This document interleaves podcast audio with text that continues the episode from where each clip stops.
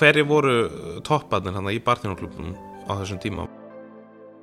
Hérna á Bjarni Óskars, hann vann þarna, Já. þarna með bleika fílin, Gísli Hafliði með Boss. Getur við sagt að hann sé svona einn af uh, frægustu svona íslensk ættuðu kóttunum? Bossin var bara mjög góður og hann var longdrings og það var nú bara þrjár kategóriður í gamla dagar sko. Það var sætur og þurr og longdrings. Emitt. Og longdrings var svona gyrnilegustu kóttilandir. Já. Henda líka vel fyrir, fyrir Íslendinga. Já, í djaminu sko. Já, hugsa meira um, um, um Magnið,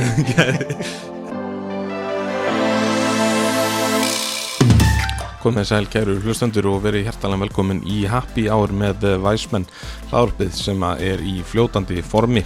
Það er landi Perfjúm uh, frá Reykjavík Distillery sem uh, færið er Væsmenn en landi er frábær ilmur af íslenskri náttúru. Landið fáanlegu meðal annars í herrafatta Vestlun Kormáks og Skjaldar og ef þið viljið eh, vita meira endilega kíkja á Landi Perfjúm á eh, Facebook. Nú, fyrir ykkur sem er að hlusta á Happy Hour í fyrsta skiptið þá snúast eh, þessir þættir alfarið um veigar í fljótandi formi og svo þetta um fólkið sem bæði þróar, blandar og drekkur vegarnar. Það er komið af hristaranum þar sem bestu barþjónar landsins eru teknir á tal um listina að búa til og skapa framúrskarandi drikki. Gestur þáttanis án Eva með reyndari barþjónum landsins og hefur hrist þó nokkra kóktela í gegnum tíðina. Enda spannar barþjóna ferill hans meira en 40 ár aftur í tíman. Gera þeirri betur. En áður um við byrjum þetta, þá hveti ykkur til að vera duglega að benda vinum og vandamönnum á Happy Hour ef þau hafa áhuga á því að fræðast meira um veigar í fljótandi formi. Það er markmið að gera þættina eins fræðandi og mögulegt er og því hveti ykkur til að koma ykkar skoðunum á framfæri því þið gerir hlustendur getið haft eh, áhrif á umfjallanar efni þáttana. Uh, Það gerir þið með því að skrá okkur í Facebook-grúpuna Happy Hour með Væsmenn eða senda skilabóð á Happy Hour Væsmenn á Instagram. Ef þið viljið fylgja Væsmenn persónlega þá er ég bæði á Instagram og Facebook undir því Væsmenn.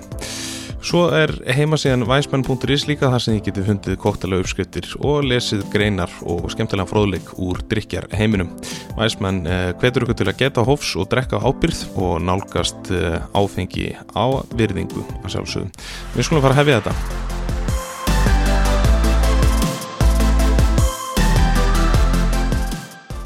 Guðmundur Sigdriðsson er gestur minn í hristaranum í dag og er ótt að segja að um eh, stórlags í barsinu landsins sé að ræða.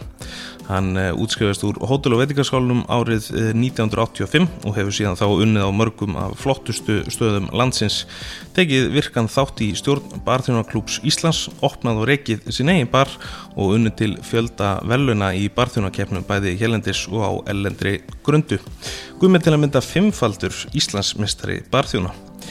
Það eru ákveðin kablaskil í hans lífi núna þessa stundina þar sem Gummi heldur nú að vit nýra ævintera eftir að hafa staði vaktina í 16 ár á bakvið uh, lobbybarinn á Vox sem er að finna á Hilton hótelunu við uh, Suðlandsbraut. Eflust margir sem hafa gert vel við sig og fengið sér drikk hjá honum þar í gegnum orðin. Enda 16 ár, uh, það er mjög langu tími og slíkur starfsaldur á einum og sama barnum afar sjálfgjafur í barsinu okkar Íslendinga. Ég ætla að lefa mér að fullir það það. Hann er mikil fyrirmynd og telur mig heppin að hafa fengið að eh, vinna með gumma í þrjú ár og að segja hann hafi gefið mér eh, gott veganesti í eh, mínum barþjónaferli en það skemmtu okkur mjög vel á árum mínum sem nemi á Vox. Gummi klálega góðsögn í barsunu landsins og að segja hann sé svona okkar Peter Dorelli eða Salvatore Calabrese fyrir þá sem að tekja þá. Við ætlum að gera upp barþjónaferilin, spá í koktela og barmenningu og margt fleira í þessum þætti. Guðmundur Sigtriksson, verður hjertalega velkomin í Hapjör. Þér fyrir. Hvernig ertu? Ég er bara góður. Það ekki? Jú, jú. Uh, ég er náttúrulega, er búin að ná í skottaðu loksins. Ég er búin að, ég er búin að reyna að ætla að gera þetta í, í smá tíma og endanum þá kom ég bara heimtíðin. Já, verður velkomin. Takk fyrir það. Það er gaman að fá þig. Hérna, og hérna alltaf tóku á mótið mér uh, allir veluna peningarnir og, og skildirnir og byggararnir. Uh, þetta er alveg svolítið mikið þessu gegnum árin. Já, þetta týnst svolítið til, sko. Já, Þetta er margt komið honni í kassa og, og þannig að það þurfti svolítið að leita því já, til þess að muna hvað hvaða velunu var hvaða velun og, og fyrir hvað þetta stóði allt saman. Já, nákvæmlega. Verður ekki þannig að, að þú enda bara með trófírúm hérna, svona eins og eins og stórstjórnunar Já, það var nú alltaf draumurinn sko.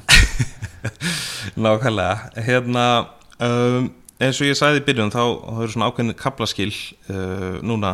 Um, þú er búin að vera á, á lobbybarnum á, á Hilton uh, 16 ár við unnuðar meðalans saman sem var uh, frábært. uh, komaðis betur inn á þetta í, í hérna, þessum þætti. En mér langar bara að byrja á, á, á byrjunni þú, þú, þú sagði mér þetta þannig að þú við þessar spurningar sem ég ætla að koma með. En Já. ég ætla að byrja bara ein, einni spurningu hérna fyrst sem ég spyr alla sem kom í þáttinn. Uh, og sumum finnst hún erfið og sumum ekki. Uh, en hún er einfallega bara hver er Guðmundur Sigtrisson? Já, það er ofta erfitt að svara því sjálfur sko. maður er bara spurning hvernig maður á að skilgreina sjálfur sig hvernig maður skilgreina sig eftir fæinu eða, eða vinnunni. Já. Það er eiginlega bara svolítið þitt að metta en það er yfirleitt þannig bara skilgreint út af við sko. Já, já, já. Þú ert svona og svolítið maður að hitt fyrir sjálfa sig. Já, þú, þú ert svona svolítið iconic, svo við slettum aðeins uh, barþjóð á, á Íslandi ég meina það, það, það er auðvitað margir svona sem að kannast við þig á, á einmitt svona sérstaklega kannski í setni tíð á, á Hildón Já, það þróaðist nú svolítið þannig að, að hérna að það komu svona margir vinningar og, og titlar á, á stutnum tíma. Já, og maður var svona heila farin að einoka þetta já, og var hann að spá að maður að fara bara að hættu þessu að því að hleypa öðrum að. Já. Þannig að og að endanum þá náttúrulega gerði maður það. Já. Það- En þú varst nú svona lengi drúur bara að, að taka þátt og vera með og, og svo leis Já, ég hef alltaf haft að markmiði frá því að ég byrjaði í barþjóðanklubnum 86 Já, og stutt eftir ég útskrifa sko að hérna reyna að taka þátt í þessum flestum keppnum. Já, að einhver har dottið úr út af milli og svo náttúrulega jógst áhugin eftir þessum sem sagt árangurum var betri. Já, já, nákvæmlega. Ef við hérna hverfum aftur í tíman þá um, sko ég nefnilega gerði smá heimaðinu og ég, Ok. ég prófaði bara að googla þig. Hefur einhvern veginn að prófa að googla þig? Eh, það er svolítið langt síðan sko. Já, en það er margt skemmtilegt þetta að gera, ég kemur hérna nokkra góða punta sem ég fann í gegnum gegnum hérna uh, gegnum um, þennan þátt. Uh, ef við byrjum bara svolítið á byrjunni og svona áður en þú byrjar í veitingamræðsanum og þá erum við að tala um sko við erum að tala um 70s guðmi Hva, hvernig var svona, hvað var það sem dróði í bransan og, og hvað, svona, hvað, hvernig veik- kveiknaði áhugin og, og þess áttar fara aðeins í gegnum það. Þetta var nú alveg algjör tilviljun sko í upphafi sko.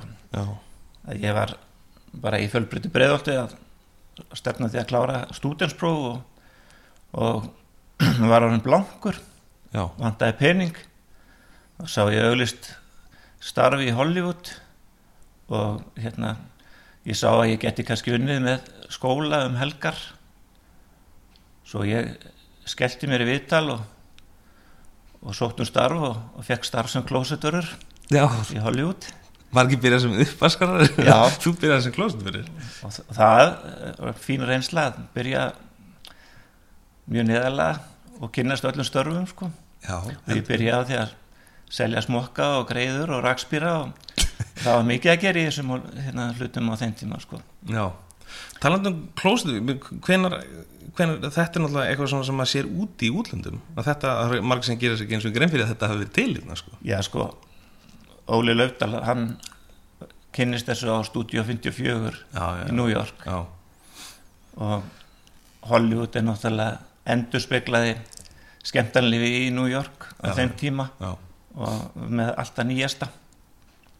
Svo þreymur mánuð setna þá sem sagt verð ég svo heppin að ég næja að komast að vinna á bar og, og endaði með því að sjá um tvo barið hana og hérna held að ég kunni var mikið en kunni ekki neitt.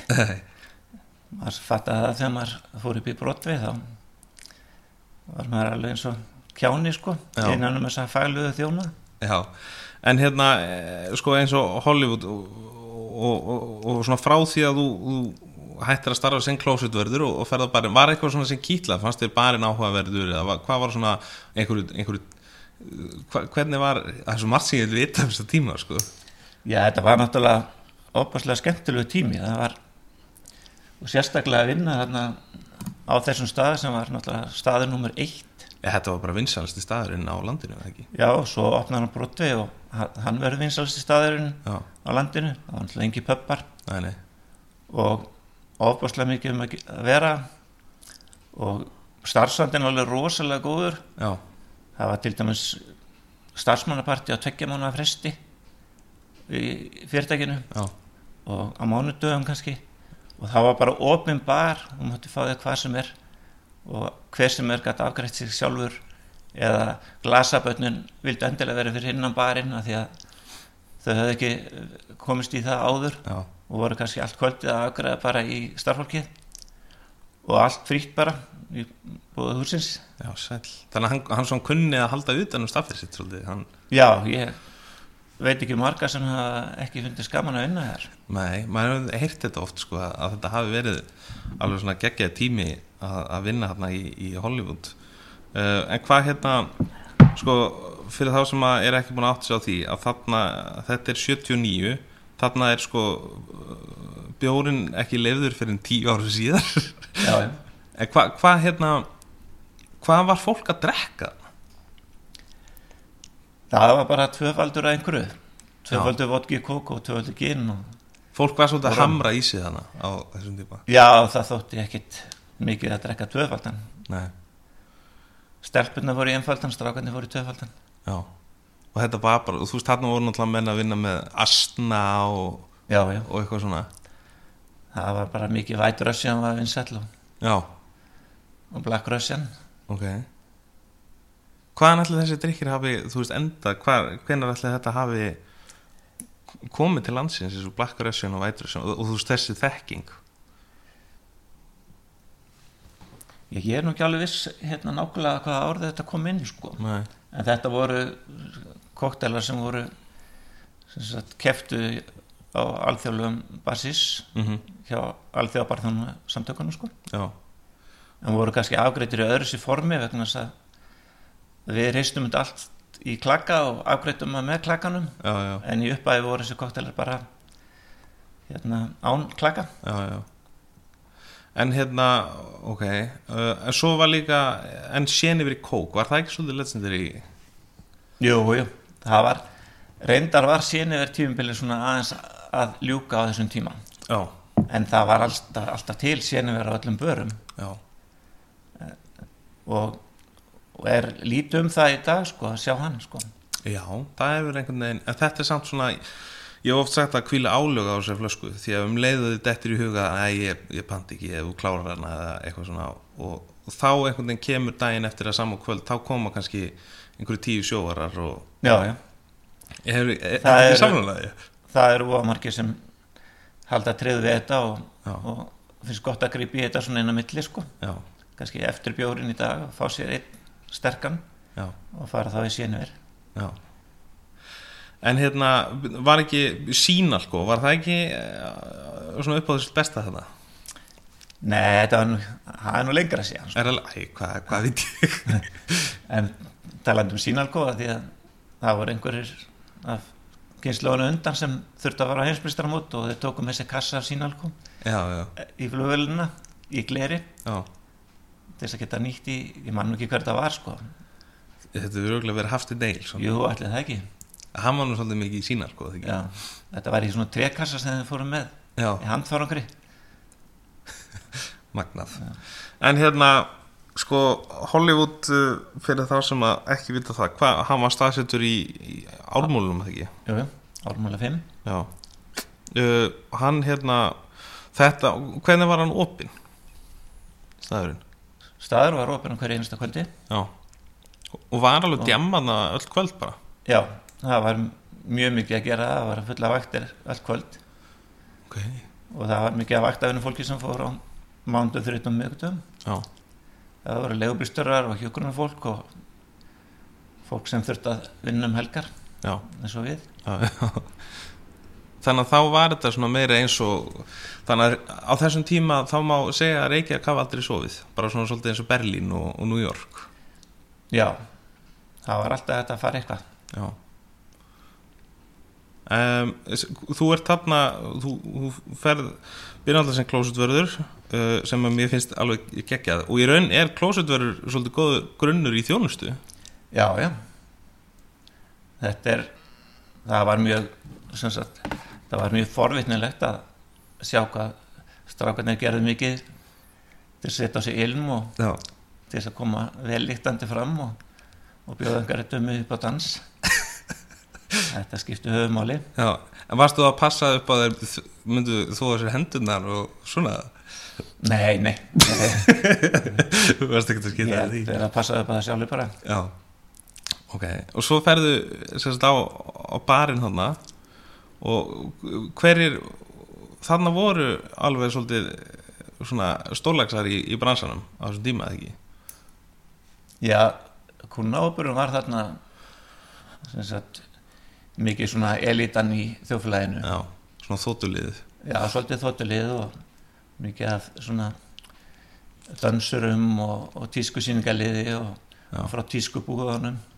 Það voru svona margar vinsalega tískubúður í bænum og, en það voru líka alltaf reglulega tískusýningar hérna frá þessum búðum. Já, já, og það voru eh, dansstúdíu og, og hérna, mótirsamtök og, sem síndu hérna og, það var mikið um að vera sko, alltaf eitthvað um að vera á sviðinu sko. Þú þurfum að vera upplugur svona að, að búa til eitthvað alls konar hérna, svona viðburði. Já, það var mjög mikið hérna, hugmyndaflug sem var í gangi hérna. Já, og þurfti stanslust að vera að hugsa um það sko. já. En hvað hérna, hvað var hvað var Hollywood stór staður eiginlega? hann tók 600 manns. Já, ok. Og svo þegar brotvi öfnar þá tók brotvi 800 manns Jesus. Og þú uh, hvernig er það sem þú, hvað ertu lengi þarna á, í Hollywood? ég hérna frétti af þessum stað hérna sem á að vera byggja upp í breiðalti og, og átti nú heima hérna rétt hjá. Já, þú ertu breiðoltingur, eða ekki? Já, já. já, ég var á neðra breiðalti sko. Já, og hérna ég hugsaði mér aðalega að spara með bensinpenning og sótt um að fá að fara upp yfir já, og ég átti nú að geta að fá að fara fyrst. Já, Óli vildi ekkert hleypa mér upp yfir hann vildi, vildi ekki breyta Ho- Hollywood neitt en að hafa sama fólki þar áfram. Já, og en Baldvin Jónsson hann svona vinna sóla hann var með í þessar ákvörðun og honum fannst að ég ætti að fara upp yfir já, og hérna þó hann hafi verið með eitt atkvæði og Óli og, og veit ekki stjórn með sitt hvort þá var það niðurstaðan. Að þú ferði í Hollywood, nei, á Broadway. ég fæði að fara upp yfir að vinna upp í Broadway. Já, og þar átti ég að fara að vinna hjá þjóni og, og hérna ég var alveg tilbúin að gera það þó ég hef verið alltaf svolítið sjálfstæður hérna í Hollywood sko. En þú ætlar að, þú, ætlar í þá þarna að fara að læra þjónin ég var ekki byrjað að hugsa um það. Nei, ég var, þetta var bara aukavinna í mínum huga já, sko. já, já En þú varst ennþá náttúrulega bara í skóla og, já, já, ég var að klára eh, bara fjölbrötti brjóti og, já, já, og var bara að vinna þarna þrjú kvöldi viku. Já. Þú vannst þarna 50 föstudag og sunnudag.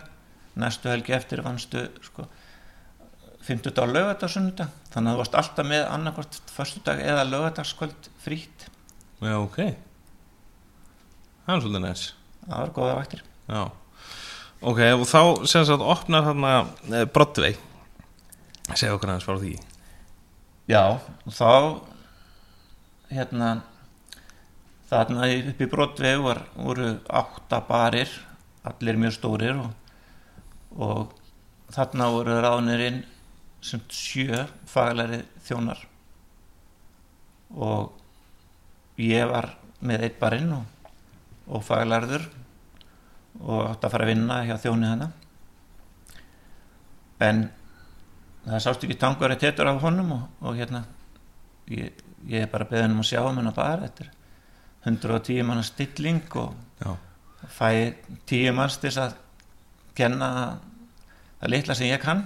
Já, og síðan bara opnar húsið og, og allt verður vittlust og síðan er ekki litið upp fyrir bara nokkru vikum setna Jesus en þarna voru sko, sjö þjónar sem, sem hérna voru koma allstaðar að, að bænum mikið frá sögu.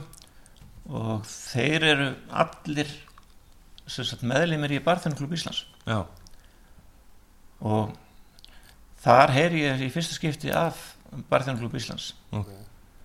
Og þeir voru að fara á, fundi mánaðlega og þetta vakti bara svolítið áhuga.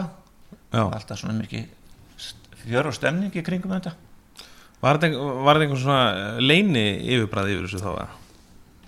Nei, þetta var eiginlega bara þetta var eiginlega bara heimur sem maður þekkti ekki. Nei, og hérna maður ætlaði sér ekkert að fara að læra þetta. Ég, það tók mig alveg eitt og hálft ár að vinna hana bara áður ég tók það ákvörðunum að læra. Já, ég er náttúrulega kláraði stúdendin með ég var hérna og svo var bara svo mikið að gera og mikla tekjur og, og bara gaman. Já, ég meina menn í þessu fæði voru að móka inn seðlunum hann á þessum tíma. Já, það var þeir voru að gera það. Þjónandi voru að prósentum og Já, þetta voru stóra tölur sem kom í kassan já, það var líka unnið alveg eins og menn unnið alveg eins og vitlisingar það var einmitt unnið 28 dagi mánuði. Já, sæl. Þannig að Leðilegu, februar þá? Já, þetta, þetta voru svona tvöföld hérna venjuleg mánu að launa því að þetta var náttúrulega tvöföld vinna. Já, já, já, já. Þetta voru svona cirka 350 tímar á mánu Jesus. sem, sem maður þurfti að leggja á sig sko. Og þarna var bara var bara til hérna rosalega mikið af, af flottu fólki sko. Já, og framtíðar barþjónum og, og fagfólki sko. Já, þarna útskriðust alveg fullt af þjónum og mjög þekkt fólk í brassanum sem hefur fyllt okkur alla tíð sko. já Hvernig var, sko, bæði eins og með Hollywood og, og Broadway á þessu tíma voru náttúrulega þannig reglur að, þú þurftur að hafa mat. Það, þú veist, það var alveg matur og, og svona í gangi þarna, ekki? Jú, þetta var eiginlega byggt upp á konsept sem var eiginlega þryggjar þetta kvöldverður með sjói Mm. sem var selt saman. Mm þannig að húsi opnaði klukkan sjö gestinni kom inn og byrjaði að fá sér dvöldanvotkaði kók í já, og síðan sem sagt, kiptaði sér rauðin eða hvítin með matnum og, og síðan var kerður við þryggjar þetta kvöldverður mm. til tíu og síðan bara tók við berjála sjó danssýning sem stóði í einn og halvan klukkutíma og jáfnvel tvo. Ok. Og síðan var bara dansleikur eftir sko. Já, já. Þannig að þetta er bara svona komplett kvöld. Já þetta var eiginlega mjög gott konsept. Þetta svínvirkaði Já, og það var bara alltaf fullt Það er raun ekki til neitt svona konsept á Íslandi í, dag. Nei, því miður. Þetta er svona, já. Og það er, fólk er bara hægt að dansa þetta það- Já, nema, já, já. Eð, Þú veist, já, þetta er svona svolítið öðruvísi. Kannski förum aðeins yfir setna í þetta svona tíðanandan hvernig hann, hvernig hann hefur breyst svolítið. En, en hérna Já, kaffikannan já kaffikanana auðvitað. En hérna uh, já, hann uh, svona tíðanandin hefur náttúrulega breyst svolítið í gegnum tíðina en, en um, úti er þetta nú á mörgum stöðum til ennþá. París er, er þekkt fyrir svona alls konar einhver cabaret show og eitthvað svo leiðis já, já, uh, ég hef komið í Múli Rú já, það var mjög skemmtilegt kvöld. Já, ég trúi því. En hérna uh, svo voru náttúrulega ótrúlustu hlutir sem að fóru fram þarna inn á inn á Broadway, ég meina það var ekki Rod Stewart fenginn hann einhvern tímann og jú, jú, fullt af einhverju já, ég, svaka liði? ég eh, þurfti að sjá um hann. Nú að það? þjónaði honum til bors og John Travolta líka. Ok. Þannig að svona svo einhverju sér nefndir. Já, þeir En- ko- komu þarna svona til að vera vistandi við krýningu á hérna, fjöradrótningu Íslands? Já, það náttúrulega byrjaði þarna eða ekki á, á fullu þessar fegurðarsangjöfnir já, Óli var náttúrulega byrjaðar á því í Hollywood. Já, já, hann var með ungur Hollywood alltaf. Já, og, og síðan var að komið fegurðarsamkeppni Íslands. Já, og þær fóru fram í brotvi til þess að byrja með sko. já. Svo færðu stærnir á Hotel Ísland þegar það opnaði sem sagt 87 Já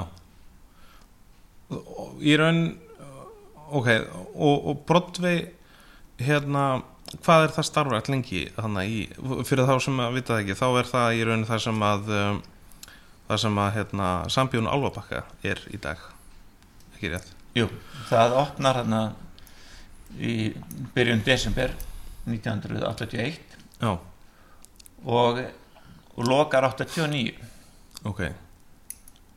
Og varstu þarna allan tíman eða?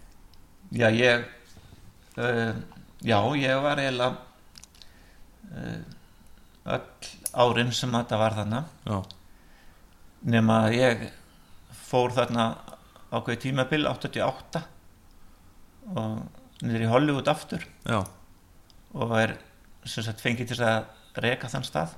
Já, ok. Þegar, og gerir frangvættistóra þar og, og síðan er ég beðin um að vera sjá líka um Broadway í restina. Já, og lokaði því dæmi eiginlega. Ok, 87 var Hotel Ísland komið. Já, og það var, voru allir þjónanir sem voru upp í Broadway. Það var bara flytja þá allanir í ármúla. Mm. og við vorum eiginlega bara fyrst upp í Broadway tveir. Það var ég og Gísla Hafliði sem, sem vorum skildir eftir hérna til að sjá um Broadway og svo fór Gísli setna niður til að undan mér. Já, og, og Sigþór er Sigur Jónsson, hann er hérna ráðanan inn sem framkvæmtastjóri upp í Broadway. Og þarna 88 já. Af sögu þá? Já, Já, og þá hérna og hann gerir mig þarna yfirþjóni og ég var þarna yfirþjóni einhverja mánuði. Já, og við breytum staðnum svolítið hérna í restina. Og náum að búa til alveg gott konsept og náum að fylla staðin upp, á, upp á nýtt. Já. Var hann farin að dala eitthvað? mjög mikið. Já, það var náttúrulega all trafikkin var komin nýr í ármúla. Og við vorum að en þá að keira þarna á svona sli, útslitnu Río Tríó sjói. Já, ok. Og en við vorum samt alveg að fá svona 200-250 gesti sem sett í mat og sjóið. Já, ok. En það var kannski ekkert mikið í þessu svona stóru húsi. Nei, nei, nei. Svo kom sumarið og, og hérna 88 og, og þá fæ ég svona ákveðna hugmynd að breyta. Já, og, og við breytum til dæmis bara aldurstakmarkinu inn. Já, fóru niður í 18 ára. Já, ok. Og hérna ég fekk svona uh, hugmynd sem var svona sólstrandar hugmynd eða svona svipað á grís mm. eh, hérna stemningu. Mm og fæ að ráða hérna inn fjóra skemmtikrafta. Eða hérna skemmtanastjóra segi ég. Og það var sem sagt Arnó Díogo, það var strákur sem var búin að vera herra Ísland já, ok. og var inn í tísku samtökunum og var að sína oft í brotu líka. Síðan hérna um ekki skefing Nú já. Íþradálurinn íþróttálurinn hann var þá bara smiður og mætti að náttu með hamarinn bara í hendinni. Ok. Og Jói Backmann hann var svona rockdansari. Já, og bara svona dansaði svona eins og sæmi rock alltaf hérna, og var alltaf mjög hress og skemmtilegur. Og svo Ingo, hann var svona strákur sem var með allar hérna mótilsamtökin og, og allt það liða bak við sig. Já, já, og við fáum þá að fund og, og hérna fáum plötum þá í þetta dæmi að vera með svona mismöndi þema yfir allt sumari já, og þeir vinna tveir og tveir saman aðra hverja helgi. Og, og hérna og ég var búinn að leggja þemað alveg fyrir svona stórum hluta já, fyrir sumarið. Og síðan ætlum við bara að láta hugmyndina flæða. Já, sem við gerðum og þetta hjálpaði til, það var engin samfélagsmiðlar, nei, nei, heldur það bara menn sögðu bara frá því sem var að gerast. Já, og það var búið að mynda svona ákveðin svona spenningu fyrir þessu. Og ég vildi bara láta þetta fara í gang sko akkurat þegar skólanir eru búinir já, ekki fyrr. Bara leið og senstu prófinu eru búin sko. Og við skellum þessu í gang. Og það bara fyllir skoðin og er bara fullur allt sumari sko. Já, ok, og þetta var við byggundi gókubúður og, og hérna þetta var mikið af hérna, fjölbreytilegum sýningum sem voru hérna og, og, og svakalega bara stemning. Og þetta gekk svona rosalega vel hjá okkur að, að hérna við Sigþóru vorum báðir ferði til já, til að laga til á öðrum stöðum. Ég var settur nýr í Hollywood til að laga til þar. Þar var allt komið í, í bál og brand, í bál og brand og, Sigþór var fluttur nýr á Hotel Borg sem hóttistöri já, og, og aðri voru settur í Bíbrót 1 til að taka við það sem við vorum búin að vera að gera. Hvernig voru svona, já, þið voru færðir hérna yfir á aðra staði, var, var það bara brottvegi í, í hérna breyðaldi að líðundi lók í raun og veru, Nei, það var náttúrulega ekki þarna ekki þetta suma Nei, nei, nei. En, en þetta konsepti sem við settum í gang svona dalaði út sko eftir að við vorum farnir já, og, og síðan náttúrulega stóð til að bara selja húsið sko til hérna Reykjavíkuborgar já, og og það var bara svona opið til hérna svona bara í róleitum bara fram á vorið. Já. Og svo lókaði það? Já, svo var bara en brottvegi var fært eða ekki, nýri í ármúla? Það var búið að ge- gerist 87 sko, tveimur árum áður sko. þannig að það var búið að vera tveim stöðum? Já, en það var Brotvei upp í Bröldi og Hótel Ísland í Ármúla. Já, já, síðan setna breytir nafnið á Hótel Íslandi í Brotvei Ah, eftir að já. Brotvei hættir. Ok.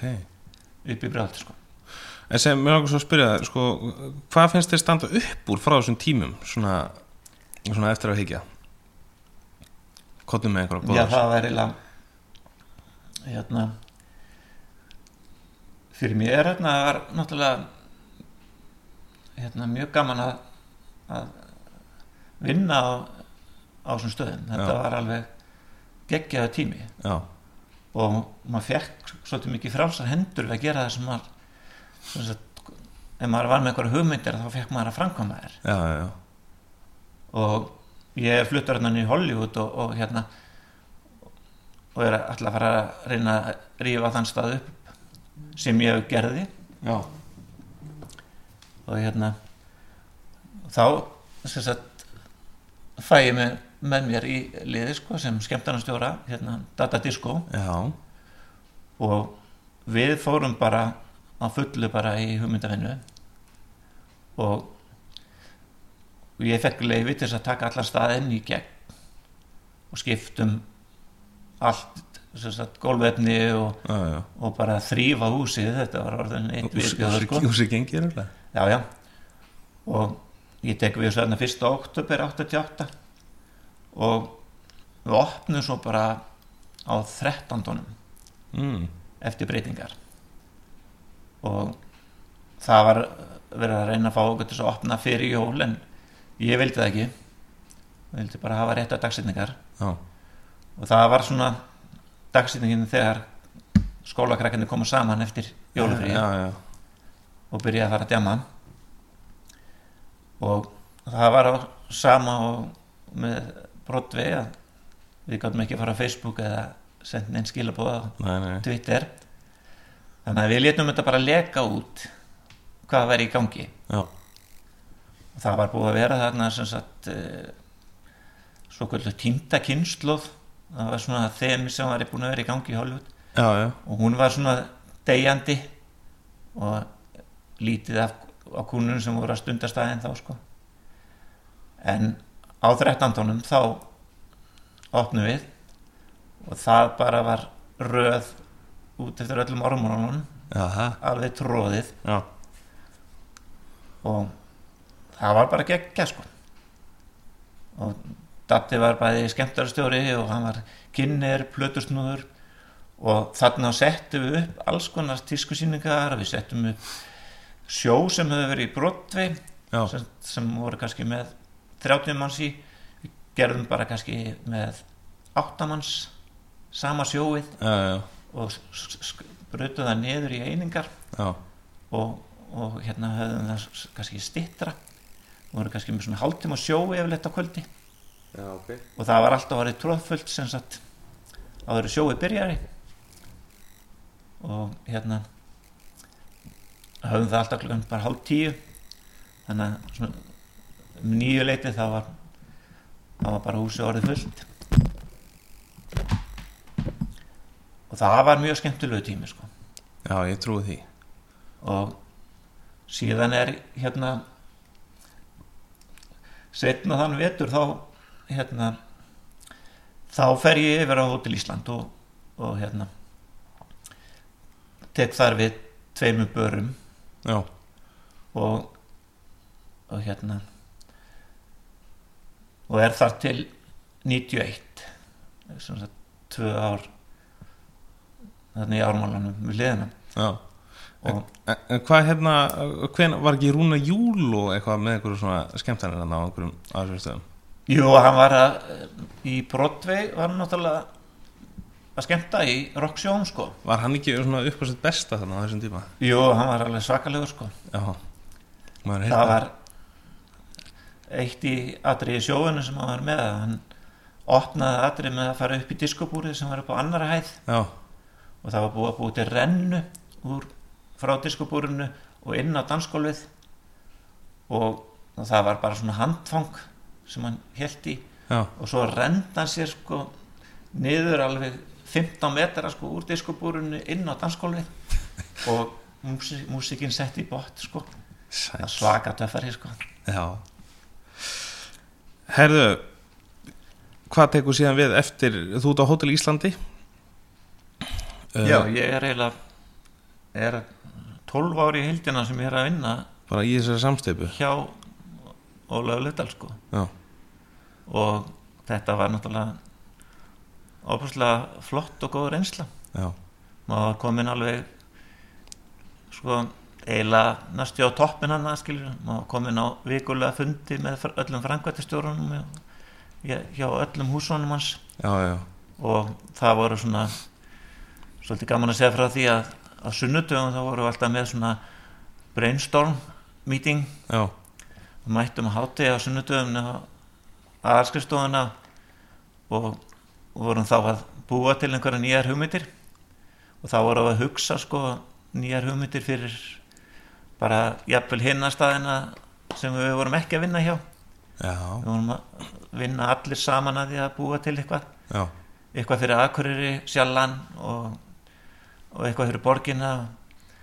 Og þessi fundir þeir svona dróðu stundum hérna eða komu góðar hugmyndir. Já, og þeir, þeir enduðu kannski einhvern tímann eftir minnati já, og þá var kannski búið að ringja í hérna alls konar listamenn og tónlistamenn og, og, og spurja það hvort að þeir væri til ég að koma og gera þetta og taka þátt í þessu og alltaf einhverjar flottar hugmyndir sem komu sko. Og fættust þarna á þessum fundum. Og þá lifnaði allt við og það var haft samband, við dansara og alls konar skemmtikrafta og, og dusta reikið að einhverjum gamlum söngurum og sem hefði ekki verið á sviðslösunni í langa tíma. Já, ok. Þannig að þetta var mjög gefandi sko. Það var svona mikið lagt upp úr svona creativity og, og gera eitthvað bara, reynilega Já, og verið að rifja líka bara það voru verið að fara yfir gömul tímabil í skemmtarnasögu já, og tímabil sem fólk myndi eftir já, og kom svo endilega sagt, að fylgja því tímabil eftir og, og hérna, vekja upp minningar og með gamla góða söngvara og svona. Já, já. Magnað. Og hvað hérna, hvað síðan tekur við eftir, ef, þá erum við svona nokkurn veginn búin að klára bara þennan Hollywood og Broadway kabla hvað, af hverju hættur og, og, og hvert fóstu síðan? Já, ég hérna fer bara og kaupi kaffi Amsterdam. Það var staður sem var annar maður var búinn að setja upp. Já, og hann var búinn að vera með hann í, í opin í þrjár vikur. Já, og vissi raunin ekkert hvað hann var að gera hann var reyndar bara skipstjóri sko. Já, ok. Og vissi ekkert um neitt um veitingarekstur. Nei, og það er bara sem tekið við þessu fyrir tilviljun. Og mér bara býðst að að kaupa þetta. Já. Og ég skelli mig bara á það.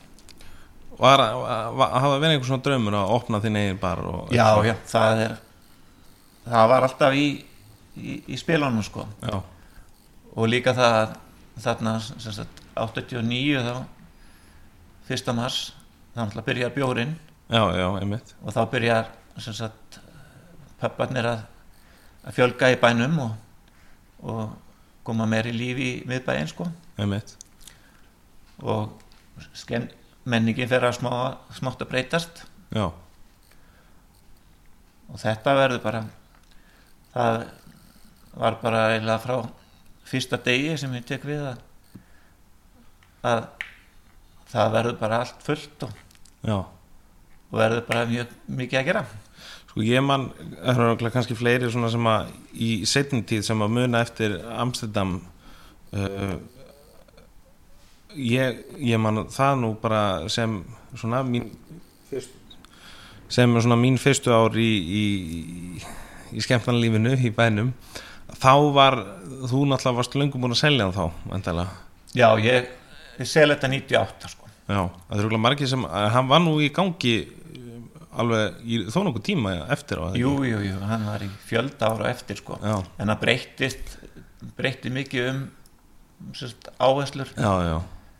Að því að sko síðasta sem ég man eftir húnum að þá var maður, að, þetta var svona niðurfallið af, af Já. tjáminu það, þetta fór svolítið niður á við sko. Já, sérstaklega með eftir að opnunum tíma var gefin frjálst já, ég man alltaf eftir ég maður, svona, maður á ekki að segja frá því en svona minningin er að maður sé að koma þar eftir tölunum fyrir maður þessi við kringlukrána hérna eftir en eftir vakt á kringlukráni þá fóð maður hérna niðurittir og, og kláraði djamið og svo svona eru tvær minningar sem maður þegar maður labbaði þarna út bara klukkan sjö að mótni eitthvað. Og það var svona þegar mávarnir, á farið að byrta mávarnir farið að borða restin af einhverjum hlöllabátum og sóparbílinn komin og bara oft hugsað bara, þú veist, ætti maður ekki frekar að vera heima þessir? En, Já, já. en þetta var nú ekki svona þegar þú nei þá sem sagt lokuðu allir staði klunum þrjú. Já, og hérna og var það alltaf þannig að Hollywood og Broadway og allt þetta loka alltaf þrjú. Já, þrjú um helgar og eitt á virkundum. Og fólk bara mætti fyrr sko. Það var yfirleitt orðið bara fullt hús um hálf já, en eftir að tíminn var gerðið frjáls þá fór fólk bara að koma setna í bæinn. Mm, fólk fór í bæinn bara klukkan hálf tvö. Já, og þannig að það hérna tegðist á opnunum tímanum sko hjá mörgum sko til að fá eitthvað inn í kassan sko. Já sem er nú eiginlega svona tími sem átt bara að vera komin heim í rúm sko. já, svona ef, ef við samt skjótum aðeins svona skjótum okkur fram í nútíman erum við ekki enn aftur svolítið komin í þetta að, að þú veist, mér finnst svona meiri hlutin af fólki kannski ég er bara eldast en, en meiri hlutin af fólki er einhvern veginn er hætt þessu að hanga fram með þeirra allir nóttu já ég held að fólk sjá alveg kostina við það í dag að, að geta átt að, já, tomorrow, að geta semlan dag, daginn eftir. Ég, eins og núna staðin er öfnu til nýju já, já, fólk er bara að byrja fyrr. Já, já, það er allir öfnu í dagdrykkjumenn. Já, já, og hérna geta vakna sprækjur og hressir morgunin eftir. Já, þó þið fáið sér aðeins í tána. Já, nákvæmlega. En hvernig, hvernig er reynslan á að, reka svona eigin bar? Það er náttúrulega skóli út af fyrir sig sko. En þarna maður byrjaði með svona, og til þess að byrja með og, og hérna síðan svona færðist þetta hefur í að vera svona fjaramanna hljónstyr og, og svo eru þetta svona sex sex manna hljónstyr líka já, í restina. En það má eiginlega segja sko að, paparnir var hús, örðuðu húsljónstinni hjá okkur. Nú það já. Og það atvikaðist nú þannig að hérna að Yngvar Jónsson sem var náttúrulega fyrsti söngvarinn hjá pöpunum já, eða ekki kannski ekki alfyrsti nei, en hérna það var svona það var fyrsti allavega eftir þeir eru þekktir. Já, að hann var bara trúbótur hjá mér og spilaði hjá mér sem sagt eina helgi í mánuði.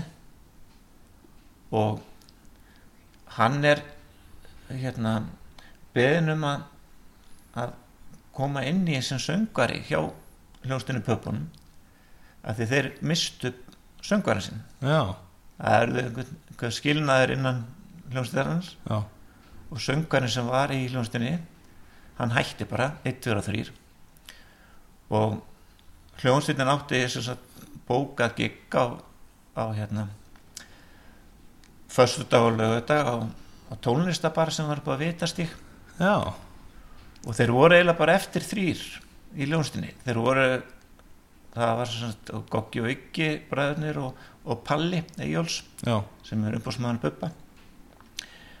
Og þeir voru alltaf með svona láns hérna trommara líka svona annars lagi en þeir vantaði söngvara sem sagt skyndilega af því þeir voru búin að bóka sig þannig já, og vissu að yngvar hann kunni alla texta. Þannig að þeir leita til hans og spyrja hvort að hann er tilbúin að hjálpa þeim og koma inn þarna. Já, og hann fær leifi hjá mér til þess að, að hann á fyndaskvöldinu þá fyrir. Þá byður hann um hvort hann geti nokkuð fengið frí á fyrst á lögadag út af því að hann er byggðin um að syngja hérna með pöpunum. Og ég gef hann máli græntljósa það. Ég gæti alveg fengið aðra tónlistamöndir sem koma í staðinn já, fyrir hann. Og svo kom yngvar aftur á sunnudöðunum að spila hjá mér. Og þá segir hann bara að þetta hafi verið svo rosalega gaman að vera ekki einn upp á sviði heldur að vera í félagskap. Og, og þeir hafa bara bóðið um að koma og vera söngari á lónstinni já, ok, sem hún langar að gera sko. Og ég bara var sko til hamingi með það. Og hann spyr hvort að hljónstinn geti fengið að spila hjá mér á Kaffi Amstam þær sömu helgar og hann er bókaður því að hann var bókaður þrjá mánu fram í tíman ég Já. hafði alltaf bókaður hljónstinn þrjá mánu fram í tíman já, og ég set bara sagt, inn á alla tíma sem hann var bókaður á sko. Já, ok, og, og þeir eru mjög skemmtilegir þegar á þessum tíma. Þeir, þeir byrjuðu að spila hálf tólf byrjuðu alltaf fyrsta hálftíman að spila bara akústik já, óramagnað. Já, þá gengu þeir bara milli borða og sungu fyrir fólk og stundum löðist þeir á gólfið stóðu upp á barborðinu og með stóran kontrabassa jafnvel sko. Já, og, og þeir vöktu strax mikla aðtegli og stemningin var alveg ótrúleg hjá þeim sko. Já, og svo náttúrulega ekki fylgdu í kjölfarið alls konar geisletiskar eða hérna kassetur og, já, og annað á þeim tíma. Og svo náttúrulega bættist þarna James Olsen var, var þeim. Já, hann er frá Færiðum og svo setna kom Dan Cassidy á fiðluna. Og þá var þetta orðið svona heilstift og flott band sko. Já, já, og þeir spiluðu svona já, stundum aðra hverju helgi. Og hérna en svo var þetta að fara svona að vera minna í restina sko. Þeir voru náttúrulega orðin svo margir og orðin svo dýrir. Já, já, og svo dýrt að vera með svona stóra hljómsitt sko. En hvað hva tók uh, Kaffi Amstaf marga uh, hvað var leiði fyrir marga þarna? það var bara um 80 manns. Já, já. En hvað var fólk að drekka þarna? Þarna er þarna bjórinn var náttúrulega flæðandi bjór sko. Þarna voru við með hérna Oktoberfest og, já, já, og hérna ímsa stemningu í kringum hérna bjórin já, og þarna voru það ára margir sem komu þarna og, og, og spiluðu. Siki Björns var hérna trúbótar sem sem er frá Flateri gerði alltaf mikla lukku. Hann var eiginlega fyrsti tónlistamæðurinn sem kom að labband inn eftir ég tók við já. og baði um gig. Já, ok. Og hann síðan spilaði hjá mér öll árin sko. Já. Og varstu með live bara allar helgar eða? já, fjögur kvöldu viku. Já, ok. 15. fyrst og lögatursunda En uh, var fólk, sko, á þessum tíma nú ætla gekkst þú í gegnum svona þessa, þennan yfirgang uh, bjórsins? Ef við getum orðað einhvern veginn. Uh, hérna var var uh, hana var uh, hætti, fór, fóru allir bara í bjór. Þú veist, hætti fólk að hamri sig tvöföldum í kók og eitthvað svona. Nei, nei, það var bara með. Já, en ég fór aldrei í neitt svona bjórlíki sko, fyrir þann tíma. Nei, þeir gerðu það náttúrulega bara hann ég hef alveg heyrt sögur að því sko, Já, eitthvað stöng hérna það var það eiginlega hérna vinsalsta hotni í bænum var þarna í já, það sem kaffi Amstam var, Gaukur Stöng Já. og Glömbar já, þetta voru svona vinsalstu barirnar á þessum tíma. Já, og þarna kom, fóru allir leigubílar ef fólk fóru í bæinn þá fóru þeir þangað sko.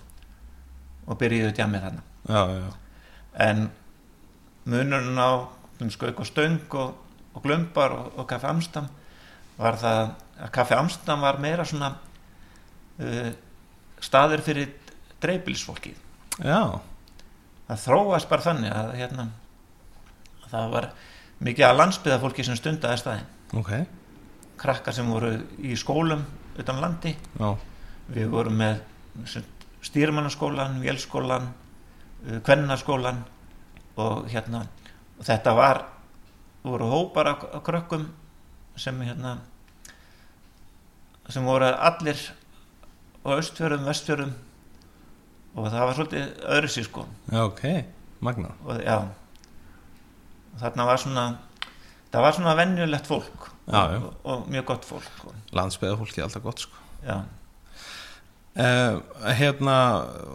hvaða ár eru við þarna? Þetta er bara í kringum 89, Nei, 80 91 Já, 91. það byrjaði þetta á og svo bara til 98 þá ákvæði ég að selja þetta og þá selja ég þetta til sko Óla sem átti helmingin í glömbar Já, hann hérna keift, keifti sig eða sagt var keiftur út úr glömbar og, og hérna og vildi bara komast inn já, einhver starf og hérna varstu þá bara orðin búið með þetta? já það var eiginlega það var eiginlega bara hérna ég veit ekki hvað að segja það var, Bara komið gott? þetta var búið að vera ansi mikið frávera frá fjölskyldunni. Já, já, og hérna maður að fara að vinna sex dagi vikunar aldrei heima hjá sér. Nei, maður að missa upp, uppeldinni á börnunum sko. já, nokkulega, þannig að hérna, þetta var orðið ágætt sko. já, og ég skelli mig bara í, í hérna í bara dagvinnum bara. Nú já, bara 9 til 5 já, bara bara fyrir að breyta sólarinn og snú honum við. Já, og fyrir að vinna í heildsölu á Karlik og Kalsinni já, þú gerist sprútsali, já, gerir sprútsali reykja já, og þetta hjálpaði mikið til vegna þess að hérna, ég þekkti alla veitingamenn í bænum. Emitt, þannig að ég var mjög auðvelt fyrir mig að, að hérna, selja þeim. Já, já. Og ég meina á þeim, þeim tíma voru alltaf fullt af flottum vörumerkjum uh, hjá Galka Kalsinni. Með, þeir eru uh, náttúrulega ennþá mjög fín vörumerkið þar en, en þeir hafa svona verið þekkti fyrir að koma með alveg svona vera nýjungagjörnir já, ég held að þeir hafa verið með flest flottustu merkin sko. Já, en það við áttum líklega svona 80% af því sem var í hillunum á Aha, veitingastöðunum já, ok. Því að þetta var svo góð umbúð sem við varum með sem hjálpaði til sko. Já. Svo var maður náttúrulega góða sölum að líka. Já, já, auðvitað. Hvað er hérna uh, hvað ertu þarna lengi hjá, hjá Kalla K? Ég er hérna í þrjú ár sko. Já, og ég var að, að hérna þjónusta bara Reykjavík bara allir Reykjavík. Já, og ég var líka að þjónusta Kringlukróna. Já, já, Sigþóri sem ég hefði verið unnið með hérna einmitt. mörgum árum áður. Og hann hérna fær mig bara til þess að koma til sín í vinnu. Já, og sem hérna bara veitingastjóri. Já, á Kringlkroni á móti gumma Sigur Vaktin. Já Guðma Kjartars, nafnaðinum. Já já. Og hann er hann ennþá. Hann er hann það nákvæmlega. Já. hérna, já blessu sér þá- minning hans. og þá fór maður sko aftur í nættunna já, en maður var, var nú alltaf að vinna sem sagt eitthvað með þó maður var í sölumöskunni þá var maður að vinna um helgar alltaf í svona brúköpum og, já, já, og hérna enga partjum og svo leiðis já hérna mann hætti ekkert í fæinu þessi þrjú ár sko. Nei, nei, nei. Já, bara taka svona eitthvað auka einhver auka gig og svona. Já, nákvæmlega. Uh, kringlukrann, já. Sko, eins og ég segi, blessu sér minning hans Sigþós uh, náttúrulega svona legend í bransanum.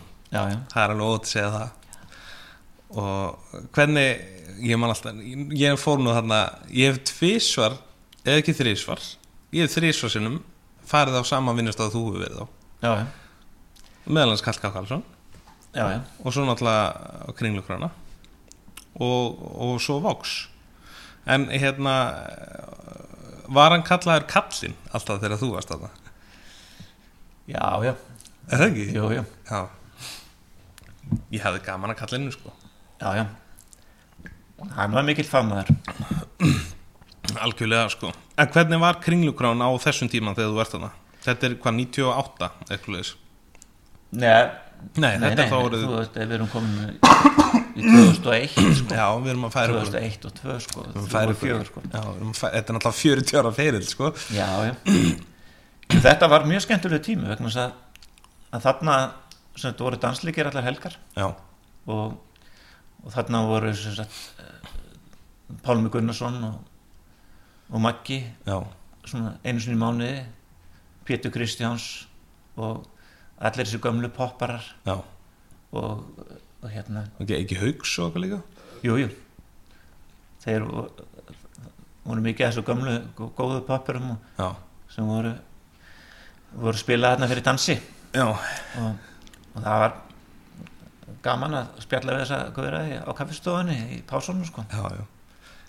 Ég hef nákvæmlega Ég er náttúrulega, ég man að þetta er sko á kringlukrana Það var svo þægilegt að að geta stokkiðinu upp að sko og fengi sér enna síkó bara þar.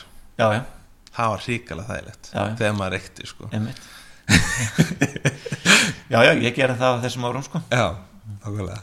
En var, eh, var þá það var náttúrulega, byrjaði matur svona, það ekki jú, jú, það var reyndar mjög mikið að gera þannig mat. Já, og það var búið að stækka staðinn og, og það var búið að taka inn pizzumat segir líka, inn pizzuop já, og þær eru þau fljótlega mjög vinsalar og mikið starffólki í kringluna sem kom hann í hátíðismat einmitt. Og það var eins og segið alltaf svona hundra mann sem komu hann í hverju hátegi í, í mat. Já, og svo var náttúrulega svolítið að gera líka í mat sem fyrir leikus á, á kvöldin. Já. Þetta er svona eh, það er ennþá fólk einhvern veginn að uppgöta bara að kringlugráðan sé góðu matsölustæðir sko. já, já, það er alltaf verið góðu matur þar sko. Uh, og þú, þú ert þarna á móti gumma. Gummi er nú meistari. Já, já, hann er það. Eða hvað hérna þú ert þarna hvað lengi? ég er hérna til eh, 2004 Já, og þá fer ég hérna upp á Nordica já en það var ekki orðið Hilton þá Nei, þá, það opnar, er það ekki hvað, tvö, það opnar hérna sko það var náttúrulega búið að vera hótelesi áður og, Einmitt, og einmitt. hérna og Nordica held ég frá hvað, 2002 eða 3 já. En varst þú, uh, þú og náttúrulega svo var að veitingaskólin hana, það ekki? ja, og hótelveitingskólinu var náttúrulega í þessu húsi en Emitt, já, hann var náttúrulega komin út í Kópó á þessum tíma sko. já, já. En hvað hérna, uh, áður en við förum yfir í, í hérna, uh, yfir á Hilton, það er náttúrulega í raun bara síðan 16 árin sem, að, já, já, sem eru. já Eh, ég hérna ég eh, að ég náttúrulega komst að því að þarna var mikið af fólki að vinna sem ég þekkti vel. Já, og hefði verið að vinna með gegnum tíðina. Þetta var náttúrulega bara landsliða besta veitingafólki í landsins komið þarna saman.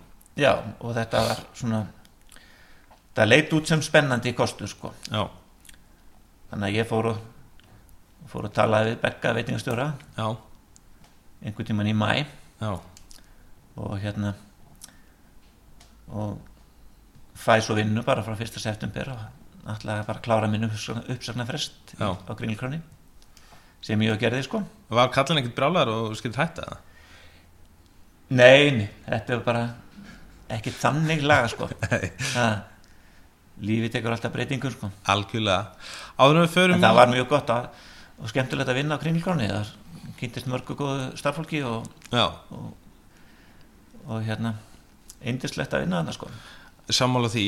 Um, Áður en við förum í þennan hérna, tímaðinn hjá uh, sérst, á barnum á, á Hilton förum þá aðeins yfir uh, sko keppnisferilin af því að nú við svona þú, þú byrjar í raun þarna í kringum tímana sem ert á í Hollywood og, og Broadway og þar. Þá ferðu að, að, að hérna að um, komast að því að það er til eitthvað sem heitir Barþjónaklúpur Íslands og, og þess áttar hvena byrjar þú síðan að keppa í Barþjónakeppnum? Já, ég gerist meðlimur 86 Já, og hérna byrja náttúrulega bara að sækja fundi og kynast þessum félagskap. Já, og ég man ekki alveg nákvæmlega hvaða hvaða hérna ég held að ég hafi byrjað að keppa mínu fyrstu keppni 87 já, og þá hérna lendi í þriðasæti í fyrstu keppni? Já. Ok, það er enda mjög gott. Og með því að vinna þriðu þriðasæti þá vinn ég í leiðinni sko Grand, hérna, Martini Grand Prix keppnisett að því að ég var stigæðasti keppandinn e, með hérna vörur frá Martini í koktelum mínum. Já, og þetta gaf mér sagt færi á að fara til Ítalíu og keppa sagt, á Martini Grand Prix móti sagt, alveg blöytur baku eirun sko. Já, já og þetta var alveg hérna þetta var mjög sérstætt vegna að við áttum að fara í, að keppa í Torino. Já, og þetta var um, um miðan júlni og hérna og við áttum að koma í okkar vinnudressi. Og vinnudressi var hérna svört jakkaföld sem voru frekar þykkar kantinum á þeim tíma. Já, og það var 40 steg hitið hana já, og engin loftræsning þar sem við vorum að keppa. Já, frábært. Þannig að maður var eiginlega svona rennandi blöytur bara. Já, já, en þetta var keppnir sem var hérna, mjög virt á Ítalíu og hún var sjónvarpið út um allan alla Ítalíu sko. nú að, og mikið hérna bæði árendum hana. Já. Og fólk að koma frá öllum heiminum bara? Já þetta var það var allavega mjög mikið af fréttamönnum hana. Já, ok, og hérna maður vissi ekki hvað maður var að fara út í rauninni. Fórstu út með sama drikka já, mást ekki hvað var í þessum drikka nei, ég man ekki hvað allavega Martini, eitthvað? En, en ég gekk ekki dúalega vel hérna, ég held ég hafi verið ofur stressaður já, eins og maður verður stundum í kvartalkennum já, maður kannastu það. En kona fór með mér hérna og, og hérna við tókum okkur bara hálsmánaða frí Já. í framhaldinu. Leðum okkur Fiat Uno og Torino og, og hérna kerðum svo um Ítalíu já, og fórum á einhverja sólaströnd sko, þetta, það er geggjað. Já, þetta var 87, það var maður nýkomin inn í klubin sko. Og fór, hverju fór með þér hann út? Það, ég fór bara eitt sko. þetta var, ekki Helga svona melsti sem kostaði ferðina sko. já, já. ok. Uh, en hérna hverju voru topparnir hann í Barþjónaklubnum á þessum tíma? Var, það voru eiginlega st- hérna, bara strákarnir sem að var að vinna með upp í Brotvei já, þeir voru eh, hérna á Bjarni Óskars hann vann þarna hérna, með bleika fílin Gísli Hafliði með Boss. Já, það er nú þekktur hann er, já já hann er, hann er á listanum hjá mér hérna kóttilistanum mínum. Já. ég var bara beðin um að gera hann í síðustu Ha, og, og hef oft mælt með hann gegnum tíðina sko. Getur við sagt að hann sé svona einn af uh, frægustu svona íslensk ættuðu kókturum hann er svona ásand náttúrulega Apollo. Já, hann eh, Bossin var bara mjög góður og hann var longdrings og, og hérna. Og hann hefur vel lifað sko. það var nú bara þrjár kategóriður í gamla daga sko. það var sætur og þurr og longdrings og longdrings var svona gyrnilegustu koktelinir Já, henda líka vel fyrir, fyrir Íslendinga. Já, Þeir- í djaminu sko. Já, hugsa meira um, um, um Magnið Nákvæmlega. Ok. Uh, En svo koma þarna uh, einhverjar fleiri keppnir, eða ekki? Jú, næstu skref eiginlega að hérna. Svona þegar þú byrjar vinningsrununa þína? Já, ég, ég fekk að fara 91 að keppa á Norðurlandakeppni. Já, og, og það var í tengslu við svona á- árlegan Norðurlandafund barþjónarsamtakana, við vorum með ákveð samstarf. Já, ég var reyndar komin inn í stjórnin á þessum tíma. Já. ég byrjaði strax 87 í stjórninni og var reytari og var dregin úr hatti sko á einum fundi.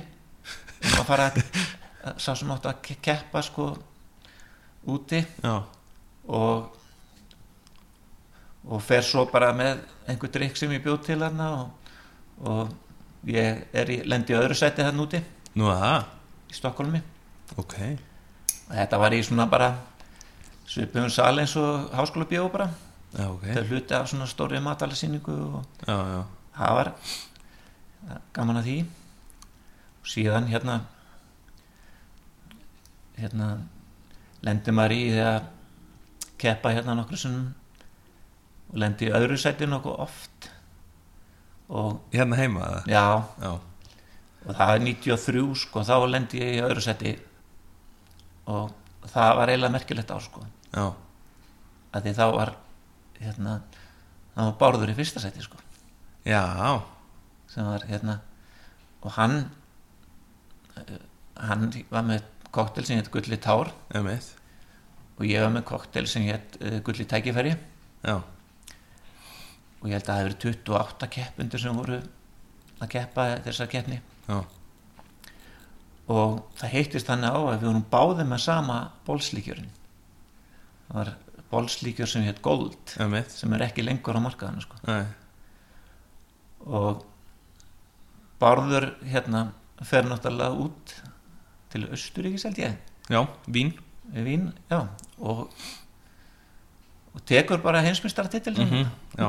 og geggja sko. Það er náttúrulega magnað. Það, hérna maður var eiginlega bara stoltur að hafa verið á eftir honum sko. Já en og maður leit líka upp til hans.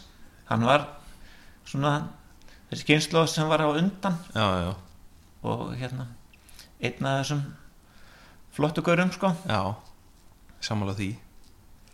Uh, og magnað samt að líka að hafa svona sv- svipað svona svipað nafn, þú veist, gullið gullið tár og gullið já, já, tækifæri. við vissum ekkert hérna, akkur öðrum í því sko. Nei. það er oft svo svolítið skrítið með koktela það er, það er kannski ekkert erfitt að gera góðan koktel Mhm. en það getur verið erfitt að finna gott nafn á hann. Já, þú, þú hefur svolítið talað um það. Já, það er það er svolítið kunst að finna gott nafn og, og grípandi nafn. En það er mikilvægt það er mjög mikilvægt sko. Fólk verður að- muna nafnið og það þarf að festast í hausnum og fólki. Já, að, já, þetta er náttúrulega bara fyrst og fremst sölu vara Þannig að nafnið þarf að vera gott. Já. Þetta hefur aldrei vaðist fyrir mér. Nei. Ég, það er ekki margt sem hefur varast fyrir þér. Nei, nei, ég er svo sem en uh, það verða þarna svolítið svona þáttaskilatni í þessu. Já, að hérna að ég tek eftir því að það er skreitingin fyrir að skipta meira máli. Já, eða allavega maður var ekki að henda í einhverja skreitingu eins og maður gerði. Nei, þetta var alltaf bara nú einhvern þarftum maður að, hérna að því að eins og í þessari keppni hérna þá er ég tveimustugum herren barður í, í bragði. Mm að það var bara gefið sem sagt hérna stig fyrir bragð, útlit og ángan Já, og hérna ég fæ tveimur stugum herri en hann í bragði en hann fær fjóru stugum herri en ég í skreitingu já, þannig að hann fer, er tveimum herri stigum en ég í heildina. Já. Og þá svona átta maður sjá því að maður þarf aðeins að leggja meira á sig til að gera flotta skreitingu Já, já, og það er mikil vinna já, að gera góða skreitingu og maður má ekki vera kærlus ef maður að ná ánangri sko, þá þarf maður að leggja mikla rækt við skreitinguna sko. því að hún vegur svo mikið upp á móti sko. algjörlega uh, Hvernig hérna finnst þið eins og með ef við tökum núna bara eins og koktela sem hann er verið að gera í dag og svoleiðis, finnst þér skreitingar á, á koktelum kannski hafa minna minni metnaðar í þeim núna heldur en, heldur en var og svo er þetta náttúrulega svolítið tvent ólíkt með skreitingar sem þú ert með á bar og í keppni.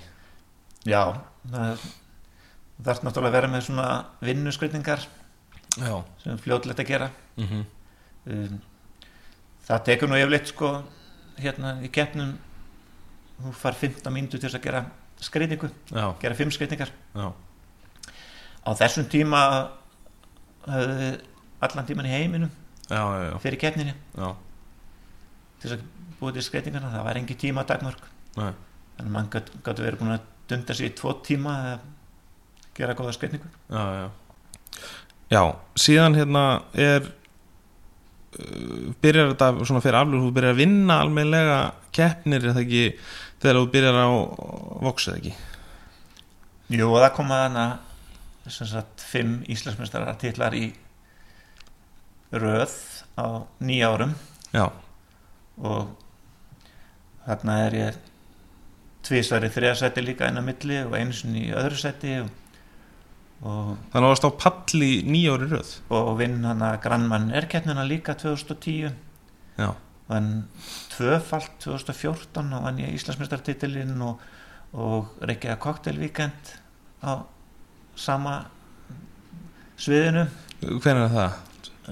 2014 fyrst, Já, já, fyrstu já, já. reykjaði koktelvíkend Já, þú varst nú svona svolítið einn af þeim höfupörunum sem kom því á laginnar já, það má heila ég kom með þá hugmynd Já, að gera þetta við stjórnina í barðanklubnum já, og, og þetta var vel tekið já, og við náðum að búa til helviti gott stöff úr þessu.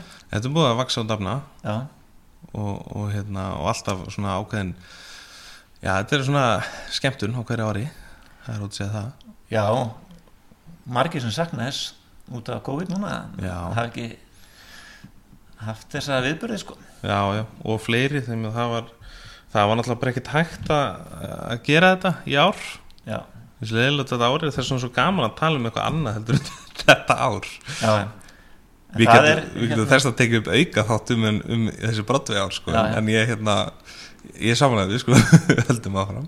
En þegar ég hérna uh, fer að vinna þannig á Vox sko Já, þá fer ég að vinna sérst, inn á restaurantinum í sem fine dining. Já, já, og það var eiginlega sagt, eh, eitthvað sem ég hafði ekki pröfa áður.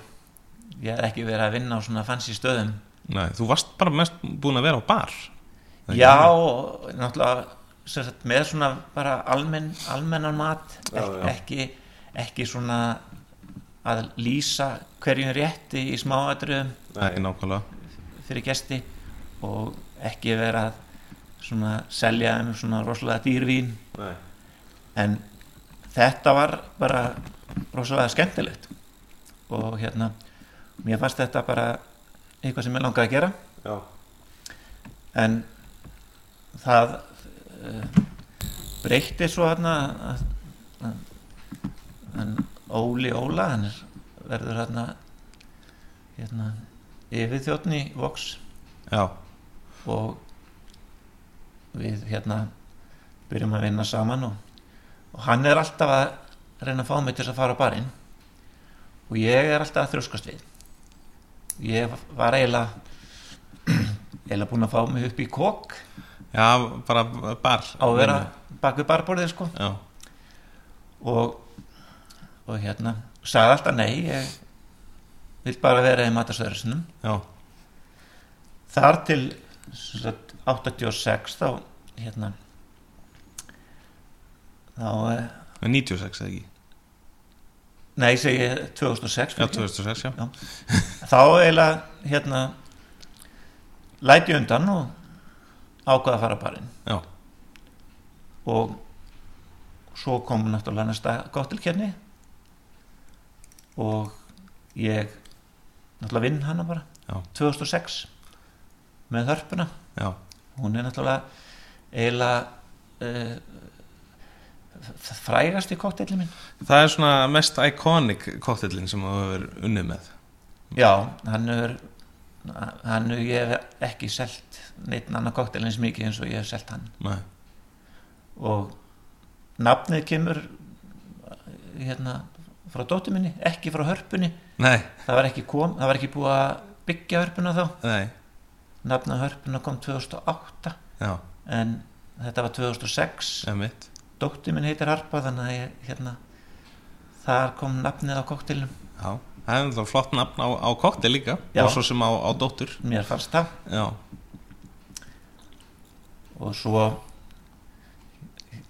hérna vinn ég svo aftur sko, ég, ég fyrir Greiklands hérna með hörpuna. Já, og keppi næ, svona engum sérstökum árangri þar.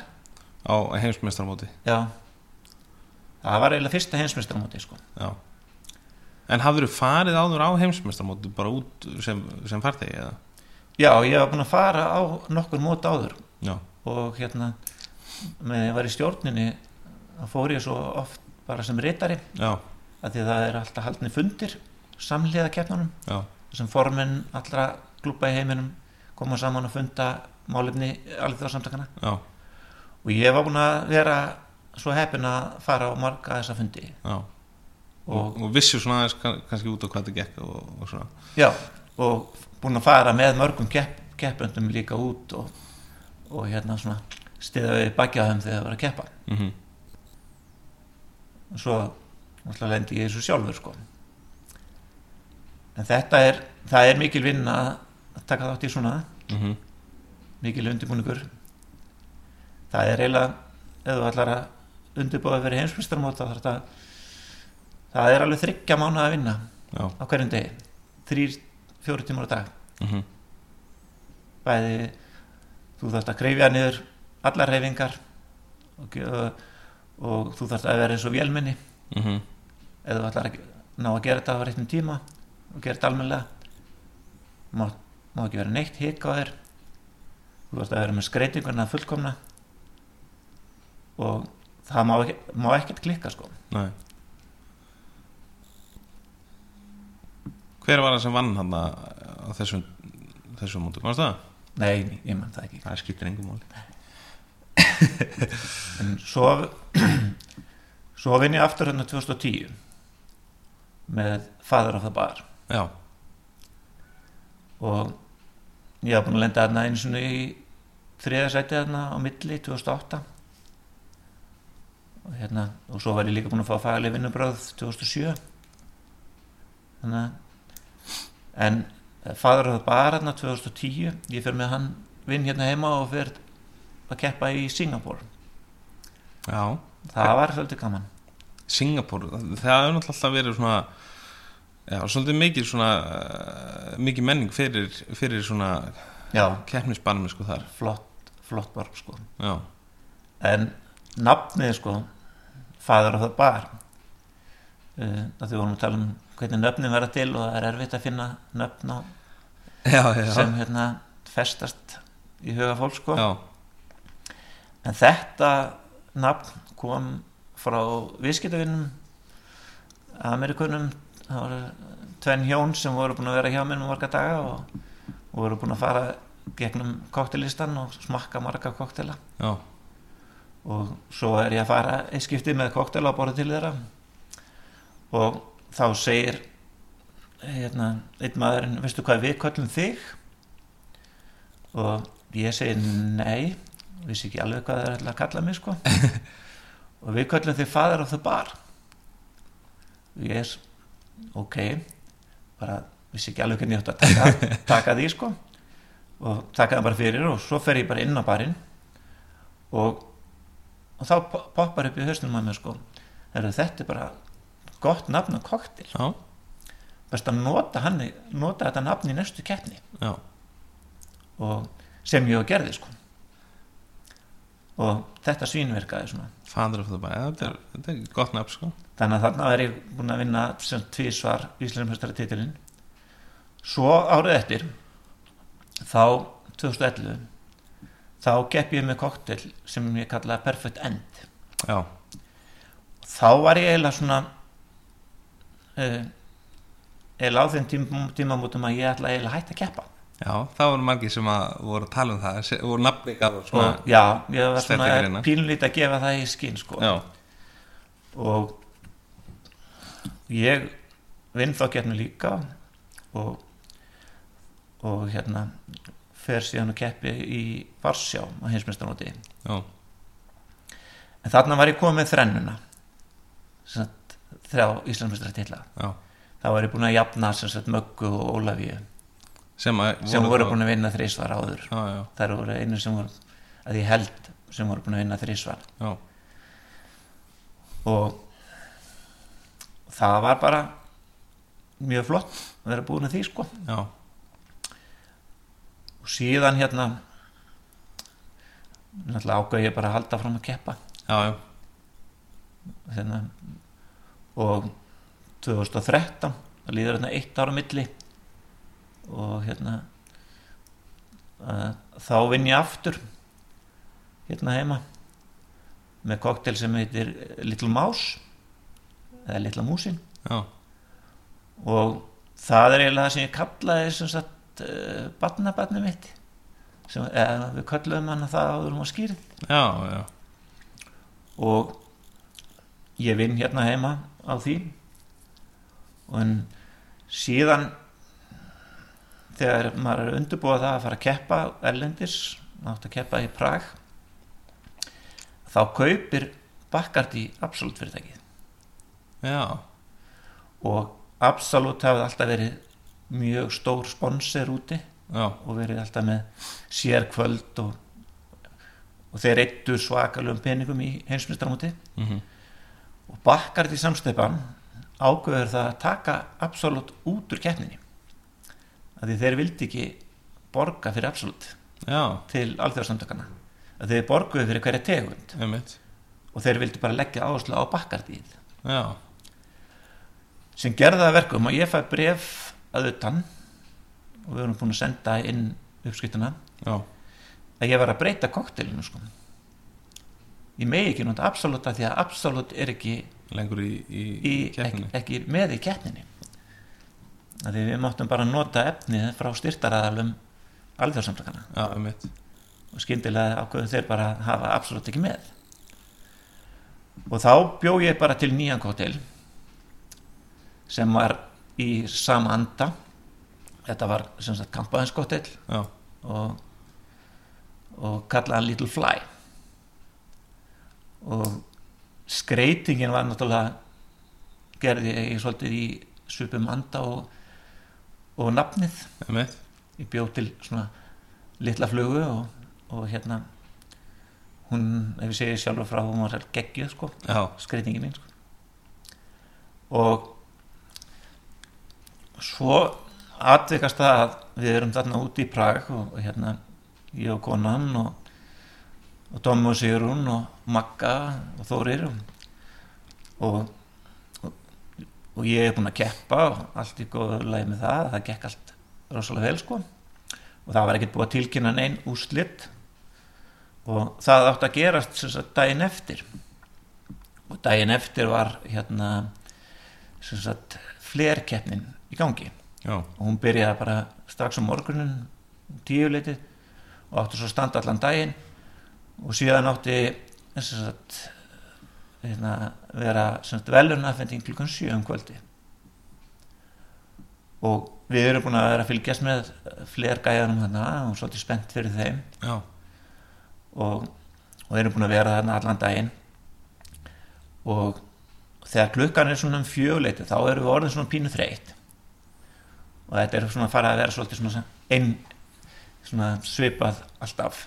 Hjá þessum fleiri gæm já. Og fyrir þá sem ekki vita það, þá er það þessi sem er að kasta flöskum eins og Já. Tom Cruise.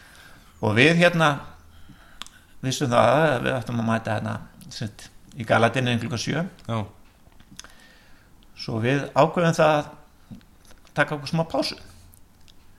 Uh, Tommi og Sigrun vildi að fara út í bæ að fá sér smá skyndibita. Já, og ég og konan fórum bara upp á herbyggi og ég held að Magga hafi nú gert það líka og þær fór eitthvað að snurfara sér konunnar og svona. Já, og en það sem gerist í millitíðin er það að, að hérna stutt eftir að við erum farin, farin úr salnum að þá kemur tilkynning um að þeir ætla að flýta veljónafendingunni já, til klukkan 6 og vera búnir á, með veljónafendinguna klukkan 7 þegar galætinin byrjar. Já, sæl. En allir íslendingarnir voru farnir úr salnum. Og það lætur okkur engi vita.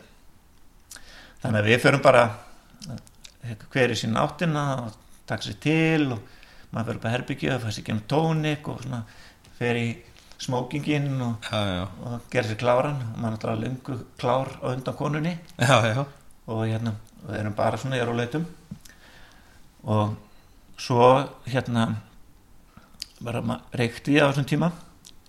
Þannig að ég segi við konuna hérna svona rétt fyrir hálf sjö þegar ég ætla að skreppa niður og fá mér eina síkó já, og hérna þetta var á Hilton hótelin í Prag. Og maður var alltaf vannur að fara bara baktir með einn hérna út að reykja. Og þetta var í sal sem keppni var í sal þar rétt hjá. Já, og ég fer þarna bara niður í liftuna og, og út og fæ mér mína síkart og, og hérna. Svo þegar ég er að fara inn aftur og þá heyri ég að það sé svona mikið læti og sé svona út undan mér að það er svo mikið fólki í salnum þar sem, sem keppnin og allt þetta fór fram. Já, svo ég ákvað svona að kíkja aðeins inn og sjá hvað var í gangi. Og þá er bara velun að finna ekki í gangi. Og Björn Olsen var kynnerinn hann sænski, Já, já. fyriröndi sænski formaður. Hann er bara að kalla upp nafnið mitt. Bara leiðu ég sting höstnum hann inn og bara hvað er í gangi hérna?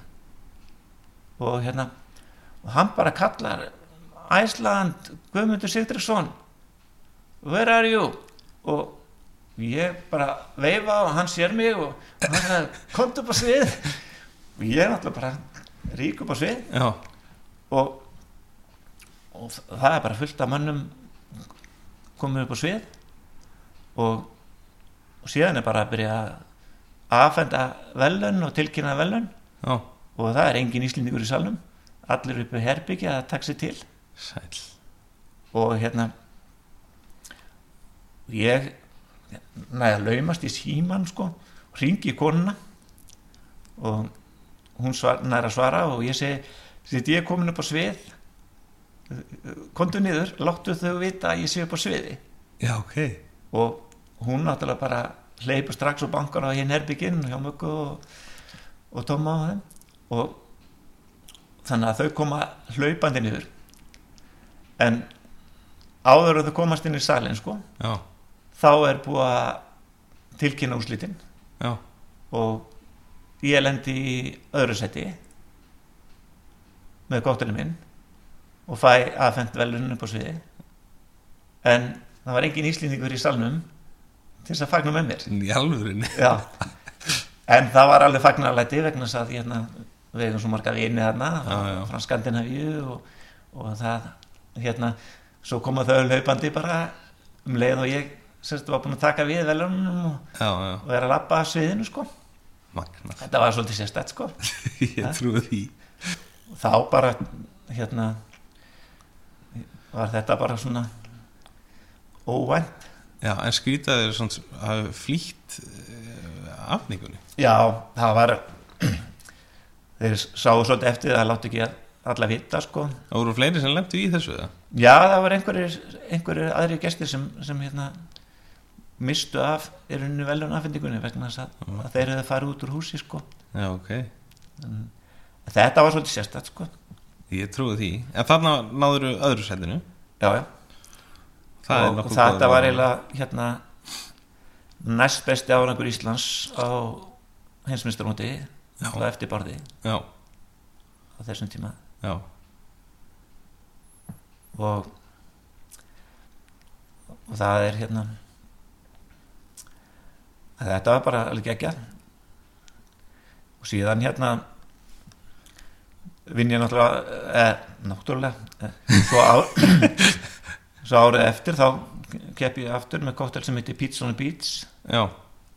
Og hérna það kom einhvern veginn upp í höfuð á mér. Það er catchy. og, og ég kefti líka þarna sem sagt, í Reykjavík Cocktail Weekend kóttelkefninni já, og ég venn fyrsta sæti í Íslandsmyndstar sætið þarna og, og fyrsta sæti í Reykjavík já, og kefti svo í Cape Town. Já, svo, já. á, á heimsmyndstamöndunum þar. Það, var það árið eftir bara já. Þannig að þetta er ansi mar, mörg ár hérna já, þarna og hæ- hættirðu þarna að keppa eftir þetta?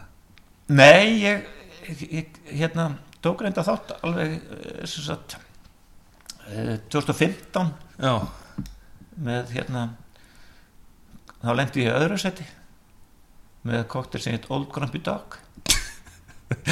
Og það var svona gætt verið bæði hundur minn eða ég já, já, í nafninu þar sko. og svo kefti ég aftur í 2016 og lendi já. en ég, ég man ekki hvað koktelin hér þá. Nei. Þannig að þú ert búin að keppa alveg fimm sinnum eftir að þú komst með kóktelinn Perfect End. Já, ég, já, já, það voru nokkuð skiptið að þetta það. Já. Magnað. Og aðnað þennan tíma þá ert þú á lobbybarðum á Hilton. Og við kynnumst nú hann 2006 þegar ég kem þangað. Já. Eh, Það er, svona eftir að hekja er það, það eru vantilega skemmtulegustu tímanir, það ekki? Þegar, þegar ég er þarna Jú, já, við áttum að lítið góðan tíma þarna. Þú varst látið vinna svo mikið á barnum. Já, ég fílaði mig Það var ekki þetta að nota inn í voks. Nei, Já, nei, þú fílaði vel, menn nefnarnir voru sko, yfirleitt nokkuð marga mánuð í einu Já, að vinna barnum. Og þetta gekk svona, það sörkulega ég svona, í, hataði í svona ring já, ég hataði náttúrulega veislu dæmi sko. Já. En svo hérna þetta var svo gott fyrir nefnman að, að að koma á barinn og, já, já, og þeir voru alveg færir í flesta sjó sko að gera alla klassísku koktela og, og hérna bara eftir smá stund sko. Já, já, nákvæmlega. Það var og margir góði menn runnið hann í gegn sko. Heldur betur sko. Ja, Ég fann hérna mm, e- ég var alltaf að vara að googla það eins og ég sagði hérna á hann og það var svolítið skemmtilega hérna einn fyrir sem að hérna sem að er þar. Uh, uh, trommukjöði JP fyrir síkaretu já, já, ok, er það þarna? Já Hvað, hvað, hvað ég segja okkur frá því? Já, það er eiginlega eins og ég segi sko að hérna Alltaf fullt Það af selebum búið að vera þarna. það hefur um, ég þó ég sé nú ekki að mæla með reykingum Nei, en ég hef nú hættur að reykja núna í dag. Já, já. En þá hefur hafa reykingar tvis að bjarga mig frá hotn Já, það var þarna sem sagt í Prag þegar ég slésast óvart inn í salin já, í veljarnafendingunni Mhm. af því að ég fór niður að reykja. Já og annars hefði ég bara mista veljarnafendingunni og svo þetta tilfelli er það að ég á trömmukjöðuna frá hérna trómuleikarun hjá Justin Timberlake. Já, sem var að spila hérna eh, eina helgi. Ég meit og þá var sem sagt mikið að krúinu á barnu hjá mér. Já, og krúið var þannig að það kannski þekktust ekkert allir þetta var fólk sem kom, var allstarað á heiminum. Já, og ég vissi ekkert hver var hvað og, og hver var að gera hvað neitt en það kemur einn herramaður niður og hérna og lappar að barnum og hann spyr mig hérna veistu um einhvern sem var til í að gefa mig síkartu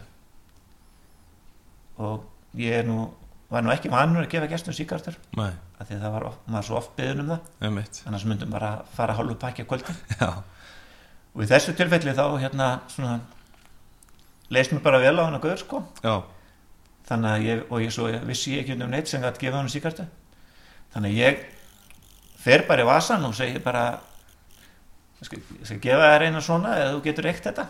Af því ég reykti var nú ekki allir sem reykja það. Og þá hérna sagt kippar hann upp úr rasvarsunum á sér trommukjöð og rétti mér það og segi bara ég, ég ætla að gefa þér þetta og ég tók að þetta eru trommukjöðuna sem ég var að nota í kvöld þetta var eftir tónleikana já og hann sagði því ég fór niður úr herbyggjuna þá var ég búin að ákveða það að fyrsti maður sem gefur síkartu ég ætla að gefa þeim þess að trommukjöð sko. Þannig að það hefur það er alls konar e, skemmtilega sögur frá þessum 16. ferli hann á Vox Er eitthvað annars svona sem að stendur upp úr finnst þér? það er það sem stendur helst upp úr er bara allt þetta frábæra fólk sem maður hefur unni með gegn síðan sko. Og það var alveg sko, alveg einstakur mórallan þetta er alveg frábær vinnustæð sko. já Það er, hefur verið bara ég meina eins og segi alveg allt frá byrjun hefur þetta í raun verið bara svona úrvalslið e, veitingafólks sem að, sem að hefur eh, verið þarna í öllum stöðum. Já og, og mikið af fólki sem er bara búin að vera þarna lengi. Já, einmitt. Og, og hérna það er bara bara gaman að hafa kynstu öllu þessu fólki sem er búið að renna hann í gegn sko. Já, sumu stoppaði stýttra og þeir eru, eru þarna lengi og, en svo núna er fáir að vinna þarna. Já. Lítið að gera. Það er náttúrulega helvitis COVID-ið. Helvits COVID-ið. Já, þetta, þetta eru svona Nú erum við búin að fara í gegnum uh, meiri 40 ár. Og ári ár er, er selna leðilegast af þessum ári sem við erum búin að tala um. Uh, en hérna uh, svo náttúrulega uh, verður bara spennandi að sjá hvað, hvað þú tekur fyrir þér næst já ég hef ekki mikla ágjör hvað hvað tekur við sko. Nei, það, það er alltaf einhver tækifæri framöndan sko. Það er alltaf þannig. Og það er þá er allt eftir að fyllast hérna af, af ferðamönnum aftur og, já, ekki spurning. og þannig að það verður nóg að gera á markaðinu þegar þetta fyrir lag. Algjörlega. Hérna svona í lokin þá langar maður þess að fara í sko og, og svona tengja tímana saman. Hvað hérna hvað finnst þér hafa svona í þróun uh, okkar senu, barsenunar hvað, hvað finnst þér vera svona helsta sem að hefur gerst ef við hugsun kannski um bara svona drikki, þú veist, sem að fólk er að drekka á, á hérna þeirra fer og, og allar gera vel við sig hvernig hefur svo þróum verið finnst þér frá því að þú byrjaðir? Það er náttúrulega hefur orðið mikil aukning að fólk panti sér koktela já, og er eiginlega bara búin að vera stöðu aukning bara frá því síðust aldamót sko. Já, og hérna barðunklubburinn hefur bara verið góður og, í því að halda þessu við og, og kynna þetta. Já, og staðirnir hafa líka sagt, vaksið kóktelistarnir eru orðnir flottir og stórir mhm, og mikið úrval á stöðunum. Mhm. Og áhugi fagmanna hérna í bænum er gífurlugur mhm. á kóktelum og bara landans, svolítið líka. Já það fylgist alveg að sko. Já, það var, ég manna þau tímbila svona þarna 2006 og 7 þá hérna fekk ég svona frjálsar hendur með að fara í bæin og, og vesla með koktela og hinn um þessum börum og, og sjá hvað hinn er að gera. Emitt og hérna ég var með 59 koktela á mínu lista. Já, og á þeim tíma þá voru reyndar örfáur barir með koktela já. En þeir voru með kannski svona fimm stykki mhm, á lista hjá sér. Og það var ekkert mikið meira sem þau kunnu. Nei, þú gast ekki fengið neitt klassika koktelin í bæ sko. Nei. Og en ég vissi að þú gast fengið það á hótelbörum. Já, emitt en þetta hefur svona þú hefur alltaf haldið svolítið líka bara í klassíkina. Ég man nú að varst ekki þegar ég kom til þín einhvern mann og við flettum einhverju bara og ég benti á einhvern koktel og þú gerir, gerir hann. Ég fór yfir einhvern lista bara af klassísku koktelum og, og benti á einhvern. Ég man nú ekki eins og hvaða drikkur það var. Já, og við vorum, við vorum svo svolítið stundum eitthvað að prófa uh, þessa gömlu klassísku já, það er þegar þú varst að vinna svona hótelbar þá varstu með hérna st- stóran kunnuhóp frá Ameríku. Fullörnum Ameríkunum. Já, og þeir eru ekkert mikið í nýjum kóktelum sko. Nei, en þeir þekki alla þessa gömlu sko. Einmitt. Og eru þá mikið í þurrum og, og sætum sem sagt, ekki mikið í longdurskóktelum nei. Þeir eru svolítið í Manhattan og eitthvað svona. Já. og, og dræði hvað Martini og þeir hérna drekka mikið af, af hérna svoleiðis kóktelum sko.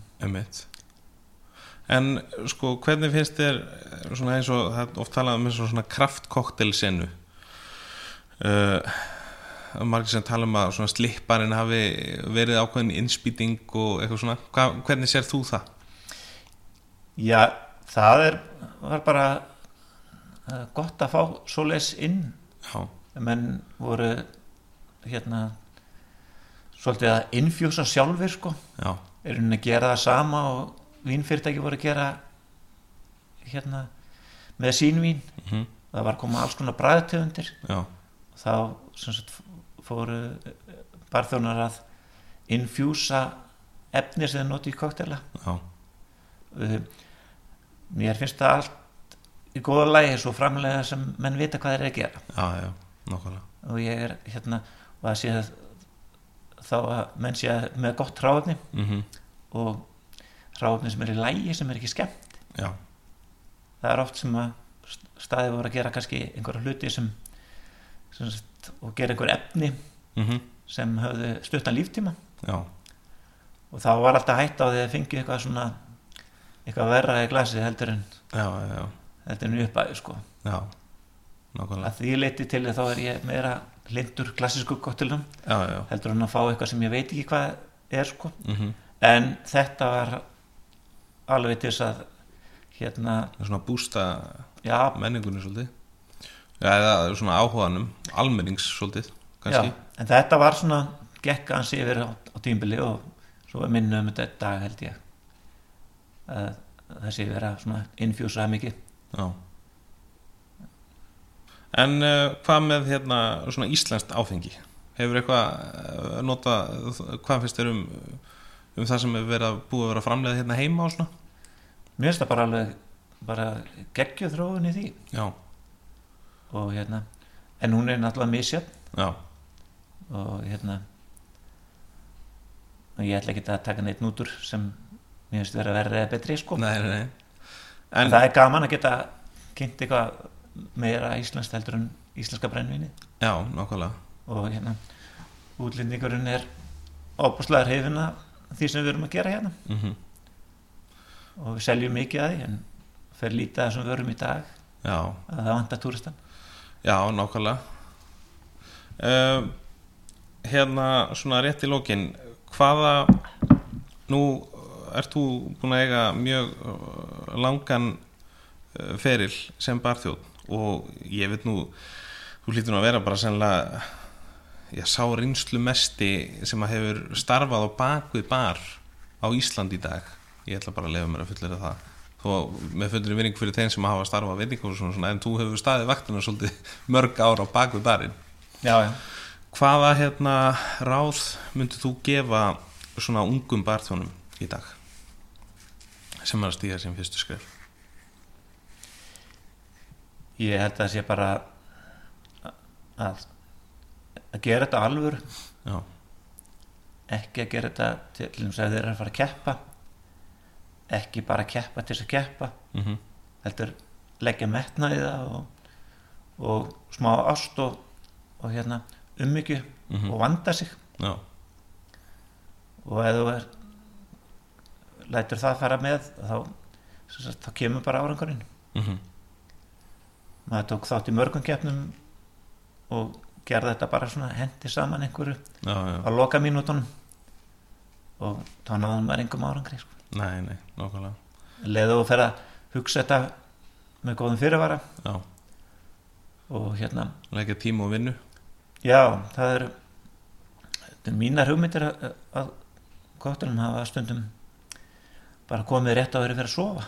Já, þá hef ég kannski rokið upp og náðum mér í penna og blað og, og skrifa niður það sem ég var að hugsa. Já, og svo pröfa þetta eftir. Já, og þá svínvirkaði það sko.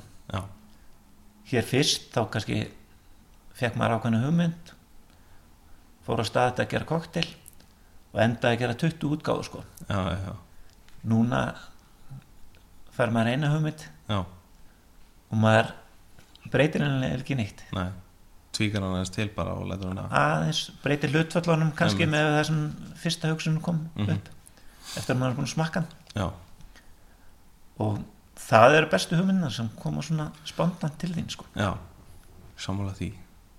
Uh, hérna rétt í lókin, uh, hvað myndið þú segja að væru svona uppáhalsdrykkinir þínir, uppáhals svona koktelanir þínir? Uppáhaldskottelin minn er Negroni Já, og ég veit að það er uppáhaldskottelin þinn líka. Þannig að við þurfum að fara að fá okkur einn saman. Já, akkur eru við ekki bara búinir að því? segi það. Ok, herðu, Gumi, uh, það er búið að vera geggjað að fá þig í, í þáttinn og, og hérna, tala við þig. Uh, og, og það eru margir sem að sem að hérna muni að hafa gaman að þessu og þú varst nú eitthvað aðeins að, að skamma mig fyrir að dvelja of lengi í brott við tímanum en það er svo áhugaveru tími sko. já, en það er fornöld fyrir suma Já, en ég held að það sé nú líka alveg gaman að, að rifja upp gamla tíma sérstaklega þegar við erum að gangi gegnum svona leðilega tíma sko. já, já, það er alveg satt en hérna, það er al- en mér finnst að fagmenn í þessu fæi Já. farmræslu sagt, ættu að vera lengur í fæinu já, ekki fara að gerast fastegnasalar eða bílasalar eða nei, og heldur að vinna meira í fæinu já, af því að það vantar það var góða þjónustu sko. Það vantar góða þjónustu. Já, og svona svolítið old fashion vantar svona old fashion þjónustu. Já, ef við förum erlendist þá erum við að kynnast eldri barþjónum já, víða út um allan heim. Því ef þið verið að keppa þá þá er þetta bara menn á mínum aldri sem er að keppa þarna. Þó svo hérna heima er ég að keppa við yngri menn. Já, já, af því það er svo margir sem detta út úr fæinu og hætta hér. Já, en menn halda fram að vinna í fæinu þó þeir eldist að núti sko. Já, við kvöldum eftir því að, að, að fólk dvelji lengur. Það, það er, eh, það er hérna eh, bara nöðsilegt að við getum bóðið upp á góða þjónustu hérna á Íslandi. Herðu, uh, bara enn og aftur geggjað að fá þig og tökum einn auka þátt einhvern tímann um, um brotveit tímabilið. Hérna bara takk kella fyrir komuna í, í Hour og gangi er allt í hæn þakkaði fyrir það en ég sé að hérna logoðið þetta er svolítið svona Hollywoodlegt Já, þetta er svona þetta er svona Hollywood letur á happy hour. Já, já, ég er svolítið Hollywood. Já, það, Þess vegna þú ert svolítið old fashion. Algjörlega. Herru, takk fyrir þetta takk Þar af það kæru hlustundur, það verður virkilega spennandi að sjá uh, Gumma á uh, nýjum slóðum og uh, kíkja á hann þar í einn eða tvo kóktela magnaðan barþjóna ferill sem mun án efa ekki taka enda alveg strax ef ég þekki Gumma rétt. En ef þér fannst þessi þáttur skemmtilegur þá ekki hika við að smetla á subscribe takkan á podcast veitunniðinni til að fá tilkynningu næst þegar nýr þáttur í happy hour fer í loftið. Og endilega bentu vinnum og vandamönnum sem kunnu að hafa áhuga á þáttin. Eh, ef þú hefur áhuga á að fræðast meira um veigar í fljótandi formi þá mæli ég með því að þú kíkir á heimasíðuna væsmenn.is þar að finna ítalega grein um þennan þátt á samt öðrum skemmtilegum fróðleik og uppskriftum af koktelum sem þú getur deilt með eh, öðrum Nú minni aftur á Happy Hour er að finna á Instagram ef þú skrifar Happy Hour Væsmenn og hvet ykkur til að skrá ykkur í Facebook-grúpuna til að stinga upp á viðmælandum eða öðru sem þið vilja heyra í Happy Hour. Væsmenn sjálfur er auðvitað bæði á Instagram og Facebook ef þið viljið fylgja mér persónulega þar sem byrtast reglulega skemmtilegt og fróðulegt efni, stiklur og annað sem tengjast drikkjum. Svo hveti ég til að hlusta á hinna þættina í með út ekki nú þegar búin að því og ekki hika við að deila þáttunum með þeir sem kunna hafa áhuga. Þannig ekst hlustun og þannig getur Hour haldið áfram að eh, færa ykkur fróðuleik um vegandi, vegir í fljótandi formi áttu að vera. Að lókum vill ég minn ykkur á að drekka til að njóta, ekki til að gleyma. Það er, eh, verður allt svo miklu skemmtilegra þá. Takk fyrir að hlusta, þannig næst, Væsmenn átt.